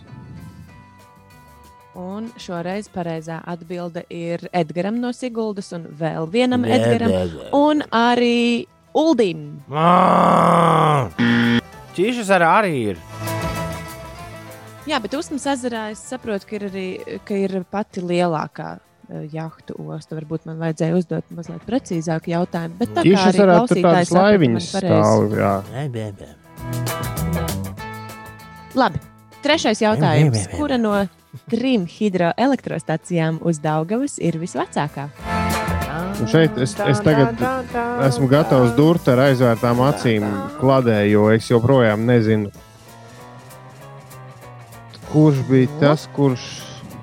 Pam, pam, pam, pam, pam, pam, Nu, labi, lai iet Nu? pļāviņa, ka es man pirmā es, es, atbilde. es gan ņemu pļaviņas, diezgan pat pārliecinoši. Un abi esat aizšāvuši garām. Ah, 1939. gadā jā, uzbūvēja ķeguma hesu. Un he, Mūsu ķegumu hes klausītāji- nebija tas. Jā. Nē, man mulsināja tas, ka man likās, ka ķēguma hess bija tas, kurš apraka staburagu un to, un tas jau notika padomju laikos. Bet tad tas bija Rīgas hess, jā? Vai pļaviņu? Nē, uzpludināja- pļaviņu senā. Pļaviņu, Man pļaviņu. Liekas, ka drīzāk Pļaviņu, pļaviņu. Jā, bet, uh, visi uh, klausītāji, kas piedalījās uh, geogrāfijas spēlē, atbildēja pareizi. Labi, mums vienalga ir neizšķirts. Nē, divi, viens. Ah. Nu, labi, nu tālāk. Uh, tartaks. Kas ir tartaks? Iezis. Uldi? Zālēdājs dzīvnieks. Nē, neviens no variantiem nav pareizs. Tikai, tikai Kārlis ir atbildējis pareizi. Tā ir upe, un tā ir upe Latvijā. Meklējot eh, jautājumus, es meklēju jautājumu par Latvijas straujāko upi. Tartaks izrādās ir viena tāda varana mežonīga upe Latvijā. Gan Tā kā strauja un Tur interesanta jābrauc, laivu, tur jābrauc laivu braucienā, vienmēr sakot, plostot. Nu, tāpēc interneta atsauksmēm es spriežu. Jā. Un viena no retajām upēm, kas ir vīriešu dzimtē. Nav daudz tādu. Jā. Um, un pēdējais jautājums, kurā Latvijas novadā atrodas Inešu pagasts? Kaut kāda muguras smadzenes man ved uz Valmieras pusi, tāpēc es saku Valmieras novads. Tom? Es saku, tāls novads. Nē, meloju, saldus, saldus, saldus. Es saku, saldus novads. Vai jūs zinat, kur atrodas uh, Ineses ezers? Latvijā. Latvijā. Ah, nu, labi, tad uh, neviena no jūsu atbildēm nav pareiza. Tas ir vecpiebalgas ah, novads. Tur arī es, atrodas tas... Ineses. Es, un es pat tur esmu bijis. Vienkārši Nu, nu, kaut kas pateica, ka tā ir Valmiera. Tur ir Pirmdiena. Pie brāļi kaudzītas tur pie Inešiem. Un arī šodien neveicas. Vajadzēja būt Hesus, mēs apmainījuši vietām, būtu pavisam citi rezultāti. Un galvenais, ka es nesen lasīju, ka ķeguma Hesu ulmeņa laikā atvēra. Bet Man man bija, bija man bija garš, smags, es jau teicu, gudriniekās, garš un smags jautājums par jāuzdod spēlētājiem, par Hesiem. Nu, labi. Vai Mēs katru nedēļu atceries? pa vienu punktu mazāk dabūjam. Oh, drīz, drīz būs reālās nulles, nuļu spēles. Apsveic ar uzvaru ziediņu, kungs. Pelnīti. Droši vien. Nu, tā. Varēja būt labāk. Uzmas ezerā. Es apsveicu klausītājus, kas piedalījās. Malači. Kur uzmas ezers ietek? Kur to, ar to, kā to viņā var iebraukt ar jahtu? Usmas ezers ir kurzemē, un man liekas, ka tur var ievest. Tur vienkārši var jahtu drīzāk. kuģot. Nu, ja? Viņš jau nav no jū, ar jūru saistīts. Tur vienkārši tur, viņš ir milzīgs. Jā. Viņam Es nekas ne, nepietiek. Nevar nu, pa viņu aizbraukt kaut kur. Nu, noteikti pietiek kaut kādas upītes, bet man šķiet, ka tur pietiek. nemaldos, ko desmit jak- upes ietek, bet, uh, bet tās upes, man liekas, nav tik lielas, lai pa upēm ar uh, jahtu braukātu. Mērnieks sasmējies pie radioprāta. Viņš saka, Uldi, tāda Valmieras novada vispār nav. Un bio Kristaps ir sabēdājies, jo esot arī Tartaka ezers. Pagājušajā nedēļā mums bija vispār divi, divi. Ā, nu, vienalga. Tad tu gribi tagad anulēt rezultātus un spēlējam pa jaunu Jā, pēc jā, ziņām? jā, jā, jā. Tas, nik, tas tik nu ir jau būtu joks. Ezers, bet uh, labi, bija Kristap. Es tev iedodu arī punktu, bet Toms ar Ulu nenopelnīja nevienu punktu. Mēs šajā neko nenopelnījām. Mēs tikai esam žagariņus esam. Mēs esam žagariņus nopelnījuši šorīt. Neko Nezinām, Hesus. Ne, nezinām, Hesus. un Es... Jā, mums neviens te nedos zelta medaļus. Labrīt! vis- Zemgales līdzinām, jūs zinājāt. No, jā. Jā, tā. Ir pirmdiena, 18. māja šeit, 5 LV. Labrīt! Pēc nedēļas eksperimentējot mājas studijā, esmu ar velosipēdu atminies līdz domu laukumam. Un ir tik forši būt šeit.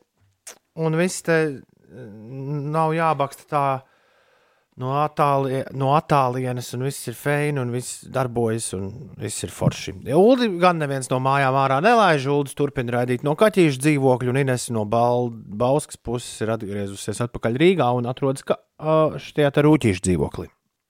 Jā. Tā mēs visi trīs šo rītu pavadām. Svētku sveiciens un puķu pots māsai Inesei un rīta radio Inesei. Foršu dienu dāmas, tā rieksts raksta. Un Zeķu kungam tr trusim ir nenormāls noskaņojums dziedāt. Vēlos iepriecināt kaimiņus un veicināt viņu ražīgumu dienas gaitās. Vakar aktīvi trenējos mežā, domāju, ka esmu gatavs. Atveru logu un atspēršos pret skati. Kāpēc pret skati to atspērsies? Tas man neizklausās pārāk, pārāk prātīgi. Nekur nav jāatspērs. Vienkārši vajag dziedāt. Ulu, ko tu gribi šorīt uzdziedāt? Izvēlēties jebko no sava repertuāra. Nu, parasti jau tādos brīžos pirmais ir, te ir mana dzimtene. Smilšainais Krasts. Vai kas tur? Lauks. Ir, jau, ir jauki mēģināt dziedāt uh, kopā šajā attālinātajā ērā. Tev ir jāturas pie sava, un es dziedāšu līdzi, un tad visiem izklausīsies, ka viss ir kārtībā. Pamēģinām vēlreiz. Varbūt, ka var nedziedāt. Nu, vēlreiz šito pašu. Te ir mana dzimtene, smilšainais krasts. Pēc tam atkārtojumā dzirdēs ļoti labi izklausās. Tev tikai izklausās frīki. Ah. Izklausījās pat diezgan vienlaicīgi. Nu, jā, tikai Ulim tā neizklausījās. Par to stāsts. Tā, ko mēs neesam vēl šorīt izrunājuši. Uldis laboja, Uldis iesakās manā di virtuves diskotēkā piekdienas vakarā Ines. Es tā dzirdēju, jā. Uldis ieradās pieklāvēja pie diskotēkas lodziņu un rādīja, kā viņš labo, kā viņš labo savu žāvētāju. Veļas žāvētāju. Jā, es nolēmu piekdienas vakaru pavadīt mājās ar skrūvgriezu rokās. Un tiem, kas sekoja līdzi visai šai epopējai, var teikt, ka viss beidzās ļoti veiksmīgi. Es pat, atšķirībā no YouTube pamācījām, es pat, pamācībām, es pat iztiku bez priekšējā vāka noņemšanas.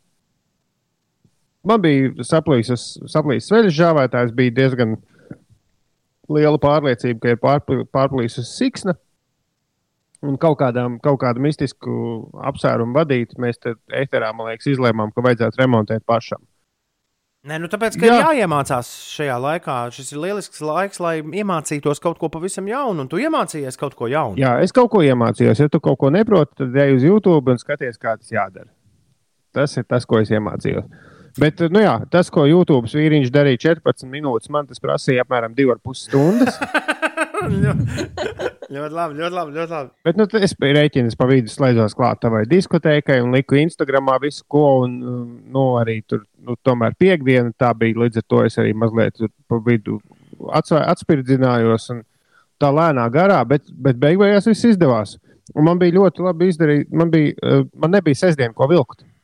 Man bija izmazgātas drēbes, lapjas, Un es biju sev pats uzstādījis tā, ka nu, man ir jāsataisa, jo citādi es nevarēšu izžāvēt drēbes. Ētera cilvēki. mieru, mieru, jā, jā, mieru. Wolf. Mieru. Pagaidi, bišķiņi. Drīz laidīsim tev pie vārda. Bet viss izdevās. Es tagad zinu, kā nomainīt žāvētājiem siksnu, un tas nav nemaz tik sarežģīti, kā liekas. Okay. Forši, un... ja mums kādreiz saplīsīs, man nav veļas žāvētāji. Bet eh, tad, kad man saplīsīs eh, veļas mašīna, tu būsi pirmais cilvēks, kuram es zvanīšu. Nu, labi. Jo izklausās, ka tagad ar visiem tiem centrifūgas mehānismiem var tikt galā, ja tu esi ar šo ticis galā. Man liekas, ka žāvētājs ir visvienkāršākais. Ir 12 minūtes pāri astoņiem, ir pirmdiena, 18. mājas. Labrīt! Celies augšā! Un lai šodien varena diena! Mūsu Rīga Latvijā! Tu klausies Latvijas radio 5,5 LV. Šis ir raidījums 5 rītī! Uzziedam spogulīt visu! Paradīze vai meklēt, bet ļaunreiz sātīsies to! Sauci par savējo! Eriks, Ines un Ines šodien atzīmē vārdu svētkus. Ēda vārdiem dzimšanas dienu. Mūsu kolēģi no Latvijas Rādio 3 no klasikas Signe Laksdiņas viņa dzimšanas dienu. Daudz laimes, Signe! Daudz laimes hokeistam Kasparam Daugaviņam, daudz laimes Mārtiņam Ozoliņam, viņš ir Latvijas Nacionālās operas diriģents. Daudz laimes motosportistam Mārtiņam Aleksandrovičam, vācu mūziķim no Enigmas Mihailam vai Mišēlam Kretu ir dzimšanas diena. Tu izpētīji, kas tur ir ar viņu, kā viņš ir jāizrunā. Nu, viņš ir Mihails. Viņš ir vispār Rumānijas izcelsmes. Rumāņu izcelsmes. Mihails Kretu. Ak, tu! Arvīda Mūrnieka. Sandra, Sandra, vācu dziedātājs viņa dzimšanas diena. Tā ir uh, Kretūns bijusī sieva, vai ne? Jā, un tāpēc, droši vien ka tikai tāpēc, ka viņi tur franciski, erotiski murmināja enigmas gabalos. Jo Mihails Kretū ir pazīstams vairāk kā enigma autors. Tikai tāpēc, ka Sandra tur uh, seksīgi murmināja, tikai franč, franciski, tāpēc visi izdomāja, ka viņš ir francūzis.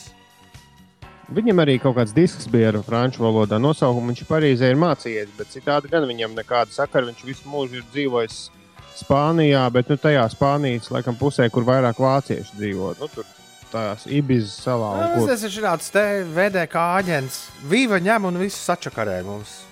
Vesela paudze uzaugusi, domājot, ka Mihails Kretū ir Mišels Kretū. Tīnai Fejai, amerikāņu komiteja un aktrisei ir dzimšanas diena. Daudz laimes viņai. Un Andrim Augstkalnam tagad Ulas kaut ko bišķiņa, jā, tādu skarbāku pateiks. Jā, daudz laimes, Andri. Tur spēlē garos toņus pēc nedēļas. Mums ir pirmais mēģinājums. Es drīkstu kaut ko foršu uzlikt, nu, kaut ko īpašu uzspēlēt. Parasti šajā laikā kāda, mums būtu jāsāk atgriezties atpakaļ pie, pie tā, ka šajā laikā kāds cilvēks uzspēlē kaut ko ļoti īpašu mums visiem. Kaut ko tādu, ko ikdienā varbūt nemaz mēs neklausāmies. Nesam, nesam iedomājušies, ka tas mums varētu uzlabot garstāvokli. Es vienā es vien dienā skrienot, uh, uzliku pa ilgiem laikiem paklausīties MGMT Brooklynas jauniešu debijas albumu Oracular Spectacular. Un man liekas, ka ir, tur ir viena brīnišķīga dziesma iekšā. Ne, neviena no tām trim, kuras parasti visi spēlē no tā albuma, bet uh, viena brīnišķīga dziesma, kur man liekas ļoti raksturo to, kā mēs šajā laikā, kā daudz no mums šajā laikā jūtas. Kā es jūtos, pavisam noteikti. Uh, em, un tāpēc tagad to, to dziesmu spēlē. Un, ko Jā, tu gribēji teikt? Pirms tu spēlē dziesmu, man ir jāpasaka paldies Kristapam par sveicieniem mums visiem Twitterī. Un viņš ir sapratis, ka es dzīvoju kaķīšos, nu, kas ir uh, Sigūdas, viens no rajoniem. Nē, diemžēl ar kaķīšiem nav nekāda sakara. Es, es gan tiešām esmu Sigūdietis, bet es esmu uzaugusi un visu mūžu dzīvojis Blaumaņielā, nu, pie ugunsdzēsējiem tur. Bet kaķīšu dzīvoklis ir tāpēc, ka man ir kaķi. Veseli divi Ine- un milzīgi. Jā. Un Inesēja rūtīšu dzīvoklis, līdz ar to, lai būtu atskaņa, man tika nosaukts par kaķīšu dzīvokli. Bet ļoti interesanti, ka tādā veidā mēs nonācām līdz Sigūdai. Sveiciens visiem Sigūdai. Kaut kur nebija arī kaķīšu kalns. Nu, tas ir kaķīšos, jā. Ah, tas ir skaidrs. Un tagad MGMT un The Use. Jaukākam pirmdienas rītam.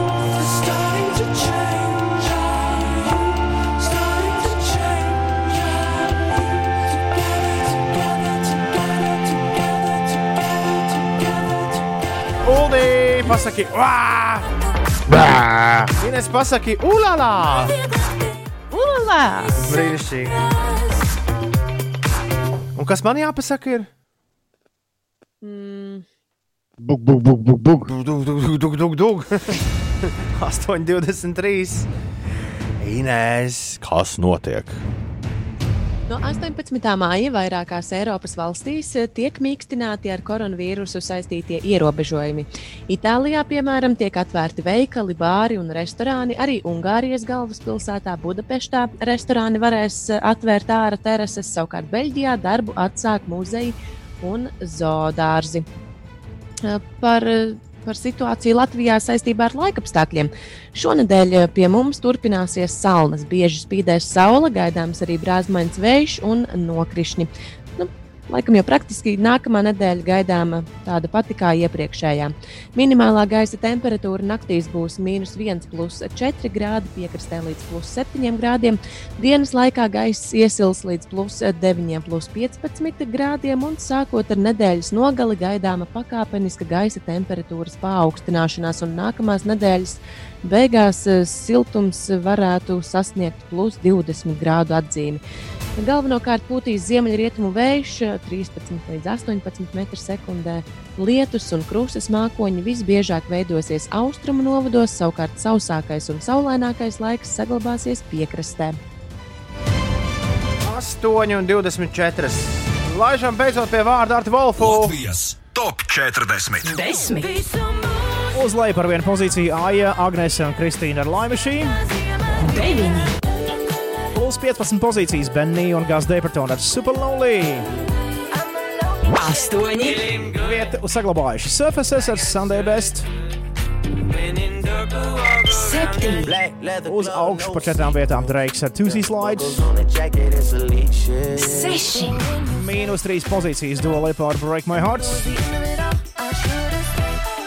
Pieci. Uz leju par vienu pozīciju Dua Lipa ar Physical.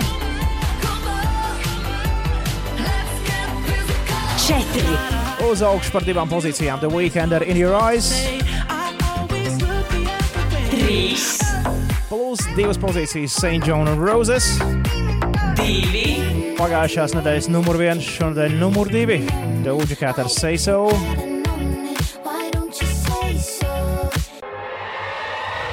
Un pirmajā pozīcijā ir atgriezies The Weekend ar Blinding Lights. Latvijas top 40. Numur 1. Kaut kā nepieklājīgs ar Cvalds palicis, pat nesasveicinājās ar mums. Bet eh, šīs ir desmit vispopulārākās dziesmas Latvijā. Kuras valsts nu pat nosauca Latvijas top 40 skanēja vakar, starp 5 un 8 loģiski. Un numur viens ir atkal The Weekend. Atpakaļ pozīcijā numur viens Latvijā - The Weekend un Blinding Lights. Es prognozēju, ka viņš visu pandēmijas laiku būs vispopulārākās dziesmas godā. Dodge Cat viņa bija nomet no pirmās vietas, bet nu šis ir atpakaļ. Un pagaidām nekas neizskatās, ka tur kaut kas varētu arī nu, tā dikti mainīties. Patīk ļaudīm šī dziesma, un viņi to klausās. Es ļoti ceru, ka laika ziņas tomēr būs patiesas, raksta mamucis, un ka māte daba beidzot te beigs ālēties, jo dzīvoklī, dzīvoklī ir grūti piesildīt ar vienu eļļas sildītāju. Jā, sveiciens visiem, kuriem ir atslēgta apkura dzīvoklī. Arī es sēžu pie mikrofona un mazliet drebinos. Mm -hmm. Ja vēl šo nedēļu izturiet, lūdzu, draugi. Un domājot, nākamajai ziemai nākot, pierakstiet kaut kur, kur jāpadomā par alternatīvām sildīšanas metodēm. Bet, nu, saka, ka augstā istabā ir veselīgāk gulēt. Jā, jā. Saglabājas skaistums un, un možums. Par to nav šaubu. Tāpēc, ja vienais tev visu laiku dokumentus prasa veikalos, Jā, jā. ir pusdeviņi no rīta, ir pirmdiena, 18. mājas. Labrīt, visapkārt! Metam gaisā vai grūžam aizā! Interesantās mūzikas aptauja Katru rītu apmēram pēc pusdeviņiem. Un tagad es ļoti uzmanīgi Ulim uzdošu vairākus jautājumus. Tā, Bet, Ul, Nu, nu. bet nebrēc, Ulu. Nebrēc. Vienā brīdī lūdzu nebrēc. Pirmais jautājums. Vai tev ir zināms, cik dziesmas piedalījās gaisā vai aizā trešajā sezonā? Tad visā šajā sezonā, cik skaņdarbus mēs noklausījāmies šajā 50. interesantā 50 gabalus! Jā, 50. ļoti. Man, man kaut kā likās, ka tā nesenāks, bet mums bija 50 spēles. Un 50, 50 jaunas, spēlēs jauna bija- gabala. Nu, ja? Nu, tā ir kā loģiski sanāk, bet liekas, taču kāds vienmēr atkārtojas, bet katru dienu kāds ir jauns. Nu, Vairāk jaunas dziesmas šogad mūsu aptaujā pieņemtas netiek. Un tagad līdz pat uzvarošajām beigām, līdz 18. jūnijam, jā, mēs centīsimies pielikt punktu gaisā vai aizā aptaujai. Un tad 19. jūnijā tās divas dziesmas var jau arī gadīties, ka pēkšņi ar vienādu uzvaru skaitu ir vairākas dziesmas. Bet tās dziesmas, kas būs augšgalā, tās tad arī cīnīsies lielajā superfinālā. Tas būs 19. jūnijā, tieši pirms Jāņiem. Bet līdz 18. jūnijam notiks uh, sekojošais. Mēs katru rītu dzirdēsim dziesmu, kas vinnējusi iepriekšējā rītā, un tad kāds no jums zvanīs uz 293, 120, un paziņos, kuru dziesmu ir tagad jāatgriež atpakaļ no tām 49, kas šobrīd 49, kas mestas aizā visas sezonas garumā, vienai iespēja atgriezties. jā, Es aizdomājos, vai Kirovs Lipmans arī drīkst atgriezties. nu nē, jo viņš jau Tas nebija. taču ir no citas sezonas. Nē, bet viņš sāka. Uh, viņš ir šos sāka. Nē, es domāju, ka mums bija dziesma no iepriekšējās sezonas, kas sāka. Loiko Marko Sisa. Loiko jā. Markus Sisen. Viņai viņa ir atļauja atgriezties vai nav? Ah, Šis ir Nu, es sarežģīts. viņu- es viņu ieliku tajā. Tā ir būs. Okay, tā tad, tad, tad, tad, tad ir. Labi. Tā, pagai, vai ir kaut kāds e-punkts uz links, kur ļaudis var apskatīties, kādas dziesmas mums ir bijušas šogad gaisā vai aizā? Nu, droši vien, ka YouTube līnija arī ir tas pareizākais, vai ne? Jā, jā. Bet tur E-punkts uz gaisā 20. gaisā 20. Ja tev ir nu, tā atmi, atmiņas streiko, un tu neatceries uzreiz, kuru gabalu tu vēlēsies atgriezt. Nu, lūk, dziesma drīkst atgriezties vienu reizi. Mēs piepilsosim tai uzvaras, ja tāds būs, klāt ja tam, kas jau ir sapelnīts šobrīd sezonā. Bet nu, jums jāatceras, ka, jāatceras, ka ja vēlreiz dziesma iekritīs aizā, tad tas gan uz neatgriešanos. Kāds mums ir šobrīd goda piedestāls? Es domāju, ka ir arī pienācis laiks to noskaidrot. Tā, nu, trešajā vietā ir padaudz dziesmas. Ir... Nē, sāksim ar pirmo. U, šodien man prasās otrādi darīt. Tā, pagaidi, man jāsaskaita, cik ir nākamais no pazemes uzvaras. Viena, divas, divas tikai. Ah, diezgan vēlu sāk startēt. jā, pirmajā ne- vietā ir viesti ar Zenanā. Es nevaru atrast zenā savā mūzikas aparātā. Tas ir brie, brie, briesmīgi. Vieste, tā viņa arī raksta. Jā. Viņš man neko nerāda. Nu, t- t- tas nosaukums ir, man liekas, ka Zenanā var būt bez zēja. Ah, šis ir briesmīgi. Labi, turpiniet stāstīt, kas mums, kā- mums tur izskatās. Es varbūt tādu o- Otrajā vietā ir dziesma par koronavīrusu, kas kaut kad likās beigas smieklīgi. Un atdot zapti ar ma viltīgiem maziem zaķiem. Tie ir Tiem- abi otrajā vietā. pat- Labi, ilustrēsim visu beidzot arī ar, ar mūziku. Esmu, esmu Kā sauc, starp citu, Zenanā? Kā sauc Zenanā? Jā. Zenanā?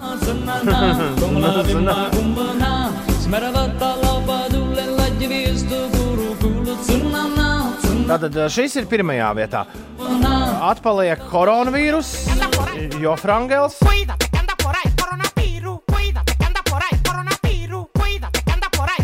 Un viltīgie mazie zaķi ar skaņdarbu atdod zaptī. Nu, un kas mums trešajā vietā ir? Trešajā vietā ir četras dziesmas pagaidām. Ar cik uzvarām? Uh, trijām. Nu, kas tur ir?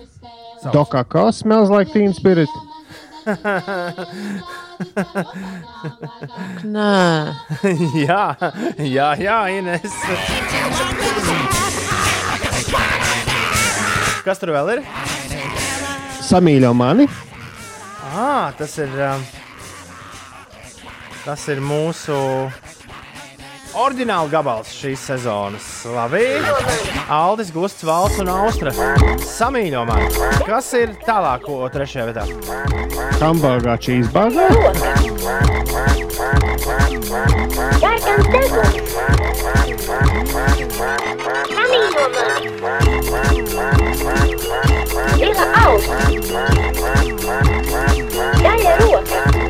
Man rāda sarkanu uzrakstu, kad es gribu hambāgā un čīzbāgā ielādēt uh, mūzikas, mūzikas mašīnā. Labi, un kas mums vēl ir trešajā vietā? Kavas sakī. Kava saki. Tas nemaz nav datorā. Tāpēc, ka es visu pagājušo nedēļu no mājām strādāju. Vai kā? Uh, jā, kā var sakīt. Labi. Ļoti neprofesionāli esam tikuši top 3 galā. Un visas pārējās dziesmas, kas šo sezonu bija gaisā vai aizā, jūs varat redzēt e-punkts uz Slipsvītra gaisā 20, 20 rakstot ar burtiem. Nē, ar uh, cipariem. Gaisā 2-0. Nu, tagad mums ir jānospēlē dziesma, kas uh, ir divas dienas mesta gaisā pēdējā, pēdējā brīdī. Jā, uzreiz tiem, kas meklēs, kas domās, ko atgriezties šajā atgriešanās sarakstā, pagaidām iztrūks trīs dziesmas, kuras noteikti jāpasaka, ir nu, mums jāpiesaka. Jā, kuras tās ir? Zilais traktors tur nav iekļauts latviešu valodā, eh, svešie ar uzzīmēm man savu pasauli un uh, Saule filmas beigas, grupa Saule. Jā. Bet man šķiet, ka 3 no 50 tūkstošus ir diezgan labs re rezultāts, un mums jau nu, tās tur no, mēs ieliksim. Vienmēr sakot, sākas finiša spurts uh, aptaujā gaisā vai aizā, un tūdaļ pat pirmā dziesma no šīs sezonas, kur jau ir mesta aizā, atgriezīsies, lai stātos pretī šim finiša spurtu. Uzsāk viesturs pēdējo divu rītu favorīts ar skaņdarbu Nāku es no pazemes. Nāku es no pazemes, pazemes, pazemes. Nāku es no pazemes, no dziļas pazemes. Garšo tavas smadzenes, smadzenes, smadzenes. Garšo tavas smadzenes, man garšo smadzenes. Pierāgi Jānis Sīčiem šito grasās spēlēt priekšā.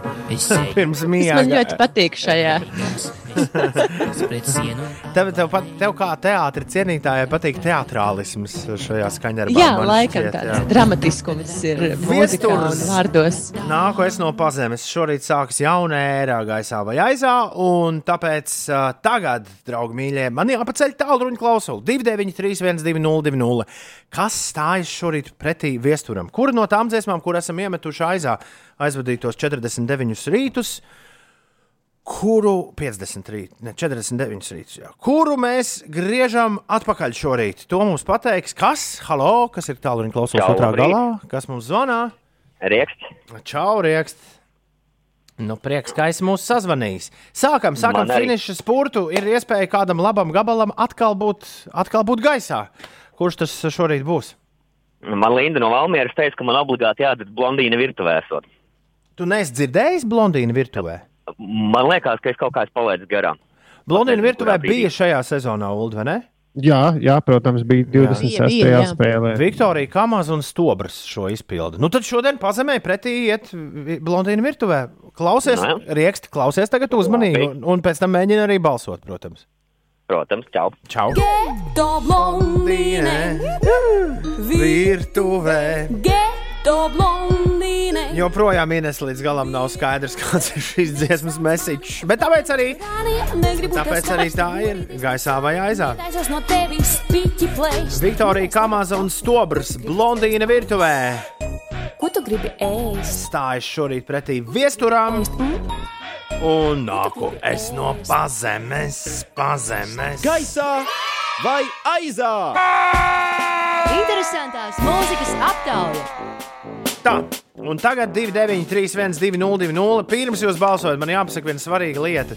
Ja šodien viesturs iekritīs iekšā aizā, viņš ir vienīgais nabadzīgs, kuram nav nekādas iespējas nekur atgriezties, jo viņš ir automātiski ar uzvaru pagājušajā piekdienā nonācis finiša spurtā. Uh, jā, tad viesturs būs pirmais, kuram būs noslēgusies karjera šī gada gaisā vai aizā. Uh, cik blondīnai virtuvē bija uzvaras sūdi? Tu apskatījies, kamēr dziesma skanēja? Nu, ne, viņai noteikti nebija divas.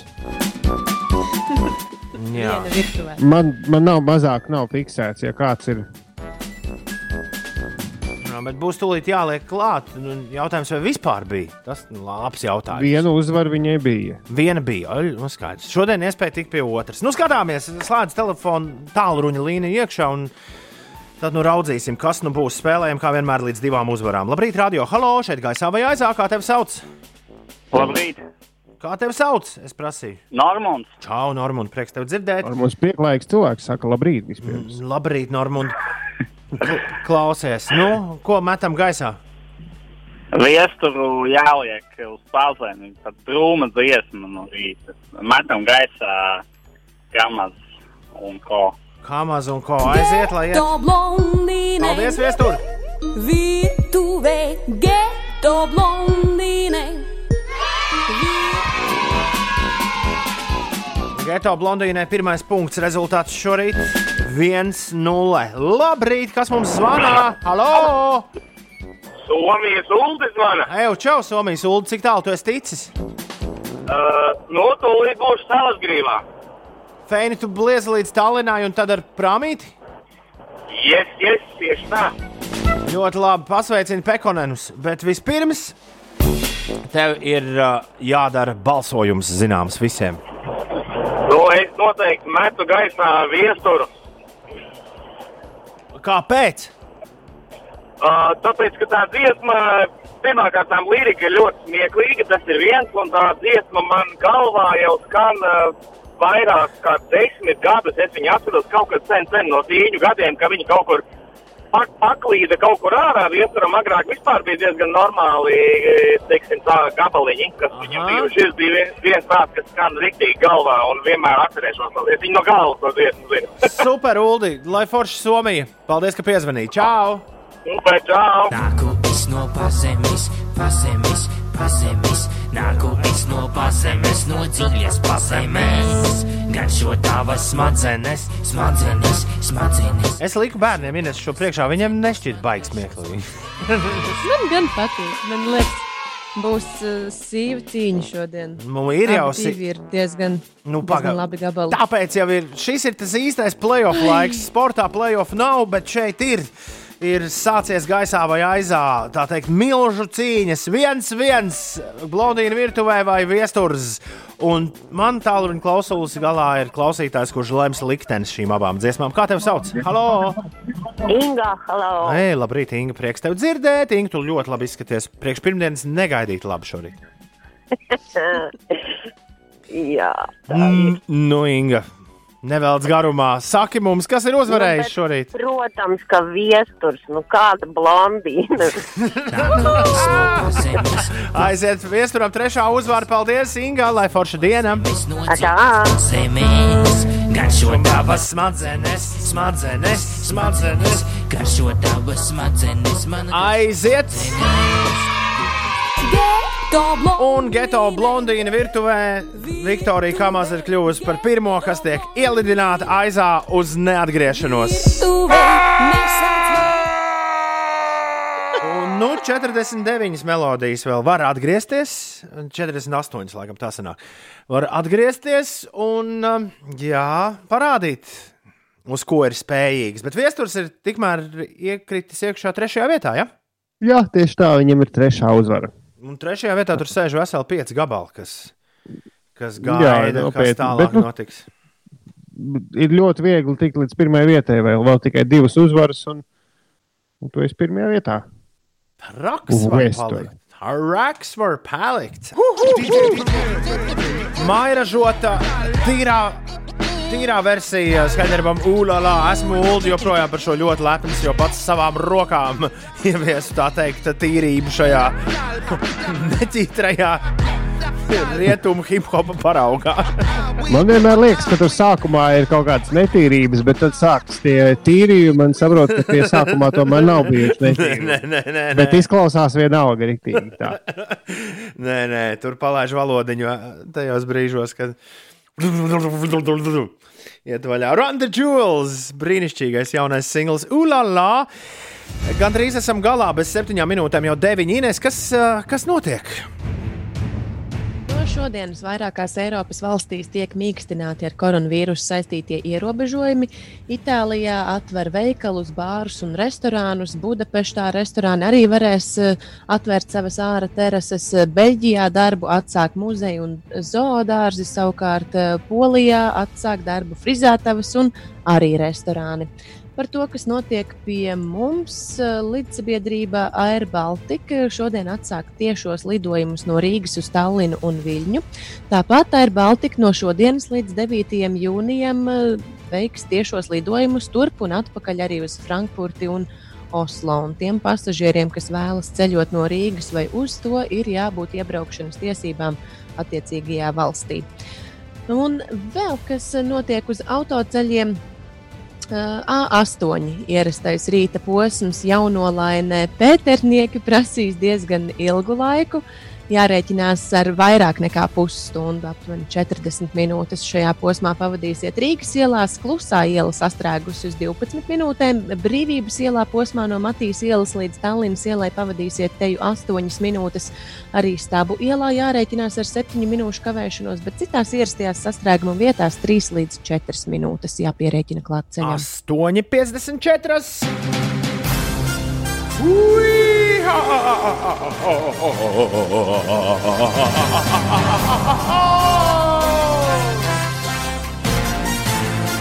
Dāmas un kungi, jūsu radioaparātos interesantās ziņas!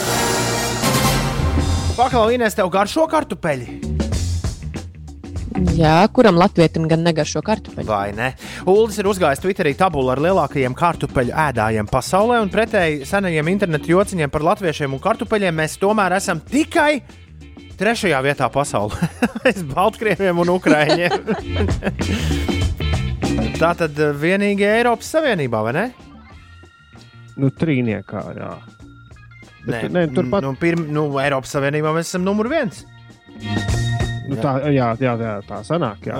Kaut kādas lietuviešu un igaunijas. Nu, redz, uh, Ulim neliek šis viss tīrs, jo Igauni ir tikai 19. vietā. Tas vēl būtu saprotams, bet tam, ka lietuvieši no top 20 tam gan negribētos ticēt. Bet es jums jau sen stāstīju, ka lietuvieši pizza sēna. Nu, kādas pizzas? Cepelīnas. Liet, nē, lietuviešiem virtu nu, ļoti, pie tam lietuvieši obligāti augstai zupai dod klāt. Tā ir, kartupeļus. tā ir, tā ir. Es, es tevi neroju, Ulu, es tevi neroju. Jā, jā. Nē, nu, tas pits, tas ir tāds. Uh, Tas ir mans, man, tas ir mans trademarks runājot par lietuviešiem. A, atcerieties, pirms kāda laika. Šodien taisīšu augsto zupu. Ņem, ņem, ņem. Atcerieties, ar olīvām. Pastieties, Jā, pulkste- pat tā Ew, vai modē. Jūs varbūt vēl papļāpājat. Labi, labi. Pa, papļāpājat vēl. Ka- Kas vēl būs augstais upē iekšā? Kaut kāda gaļiņa arī? Kāds garnēls varbūt? Es uh, likšu tītara uh, desu, bet, bet olīvas es likšu tāpēc, ka pagājušā gada Ulas pacienāja mani ar savu augsto zupu, un viņš tur bija ielicis melnās olīvas. Nekad iepriekš augstajā zupā es olīvas neesmu likusi. Labi. Lai pēc tam vēdā tur viss negriežas. Atcerieties, pirms kāda laika stāstījām par backyard ultramaratonu, kurā katram skrejējam jānoskrien 6,7 km/h laikā. Tad var atpūsties līdz nākamās stundas sākumam, kad jāskrien nākamie 6,7 km. Un tā turpina līdz paliek viens uzvarētājs, kas pēdējais var noskriet kārtējo stundu. Pasaules labākie rezultāti ir 68 stundas vīriešiem un 67 dāmām. Tātad kopā tas ir virs 450 km. Bet vakar šis skrējiens noritēja Latvijā, un mums likās interesanti paskatīties, kāds ir mūsējo izturīgāko skrējēju rezultāts. Un, Jā, ja tu, sestdien, vai ne? Sestdien. ja tu vēlies nākamgad skriet backyard ultra un 6,7 km/h liekas pievarama distance, tad ņem vērā, ka, lai nokļūtu pirmajā trīniekā, tev būtu jānoskrien vismaz 160 km. Trešās vietas ieguvējs šogad noskrēja 21 stundu, otrās 24, bet pirmajā vietā ir Antons, kas noskrēja 25 stundas, jeb 174 km. Un labākais dāmas rezultāts ir 19 stundas. Interesanti, ka šīs sacensības noslēgušās tad, kad ir palicis viens skrējējs. Ko darīt, ja viņam ir spēks skriet vēl kādu stundu? Tas nezinu, atļauts. Nu, jā, jo tad, kad paliek viens, viņš nofinišē savu pēdējo stundu, viņam pasaka, jē, tu esi bijis stiprākais. Ines šorīt iero- ierosināja, ka kafejnīcām vajadzētu kaut kādus fiziskus palīdzekļus, lai apmeklētājiem būtu vieglāk ievērot divu metru distanci. Un kāda kafejnīca Vācijā, kafē Rote, Švērīnas pilsētā, Māklenburgā, Rietumu Pomerānijā šos Ines vārdus jau sadzirdējusi, un tur apmeklētājiem tiešām tiek izdalīti palīdzekļi - ūdens, makaronu, cepures. Ūdens makaroni ir tas, kā Ulas ir mēģinājis iztulkot pool noodles, kas ir tādas kā vairāk nekā metru garas trūkas, ko izmanto baseinos, lai mācītos peldēt. Vai ko viņi ar tām dara? Katram kafejnīcas apmeklētājam pie smieklīgas cepures ir piestiprināti trīs ūdens makaroni, un kamēr tie nekrustojas ar citu apmeklētāju ūdens makaroniem, distancēšanās ir ievērota. Nu, tā Jā, pavisam viņam tā kā- viegli to var noteikt. Tā kā tas liels propellers uz galvas. Nu, jā, viņi viegli tie. tie. Man prieks, ka U- Vācijā klausās uh, mūsu radio un ņem vērā manus ieteikumus. Jā, nu, tādas lūk mums uh, šajā rītā interesantās ziņas. Uh, Ceru, ka visiem patīk. Uh, Kā to vāciski pateikt, to gan nezinu. Tas bija Uldim jāsaka, bet šis klusē kā partizāns. Uh, jā, tas ir. Uh, No, no, Auspuf. Auspuf, jā, jā. nu, nekā, viss cauri ā, izpūtējis savu pūtis. Teiksim, nu tā. Šis bija raidījums piecerītī. Kas notiek ar sēnīti? Putekļu mākonī. Gunčēla raksta. Mēs nezinām, neko, kas notiek ar sēnīti. Iespējams, ka mēs to šķietināsim rīt starp 6 un 9. Iespējams, ka nē. Ja tu tikai nu pat atvēri acis un nesaproti, kas tagad notiek, tad uh, ar steigu slēdz iekšā rīta piecēlē, jo tur šis raidījums tūdaļ sāksies vēlreiz. Savukārt pēc dažām stundām būs pieejams arī podkāstā viss, ko mēs šodien runājām, bez kaut kādām tur liekām dziesmām pa vidu. Paldies, ka e-punkts uz Slimsvītra podkāsts. Tur tas jāmeklē. Paldies, ka klausījāties. Visu labu, lai forši pirmdiena! Atā! Tā!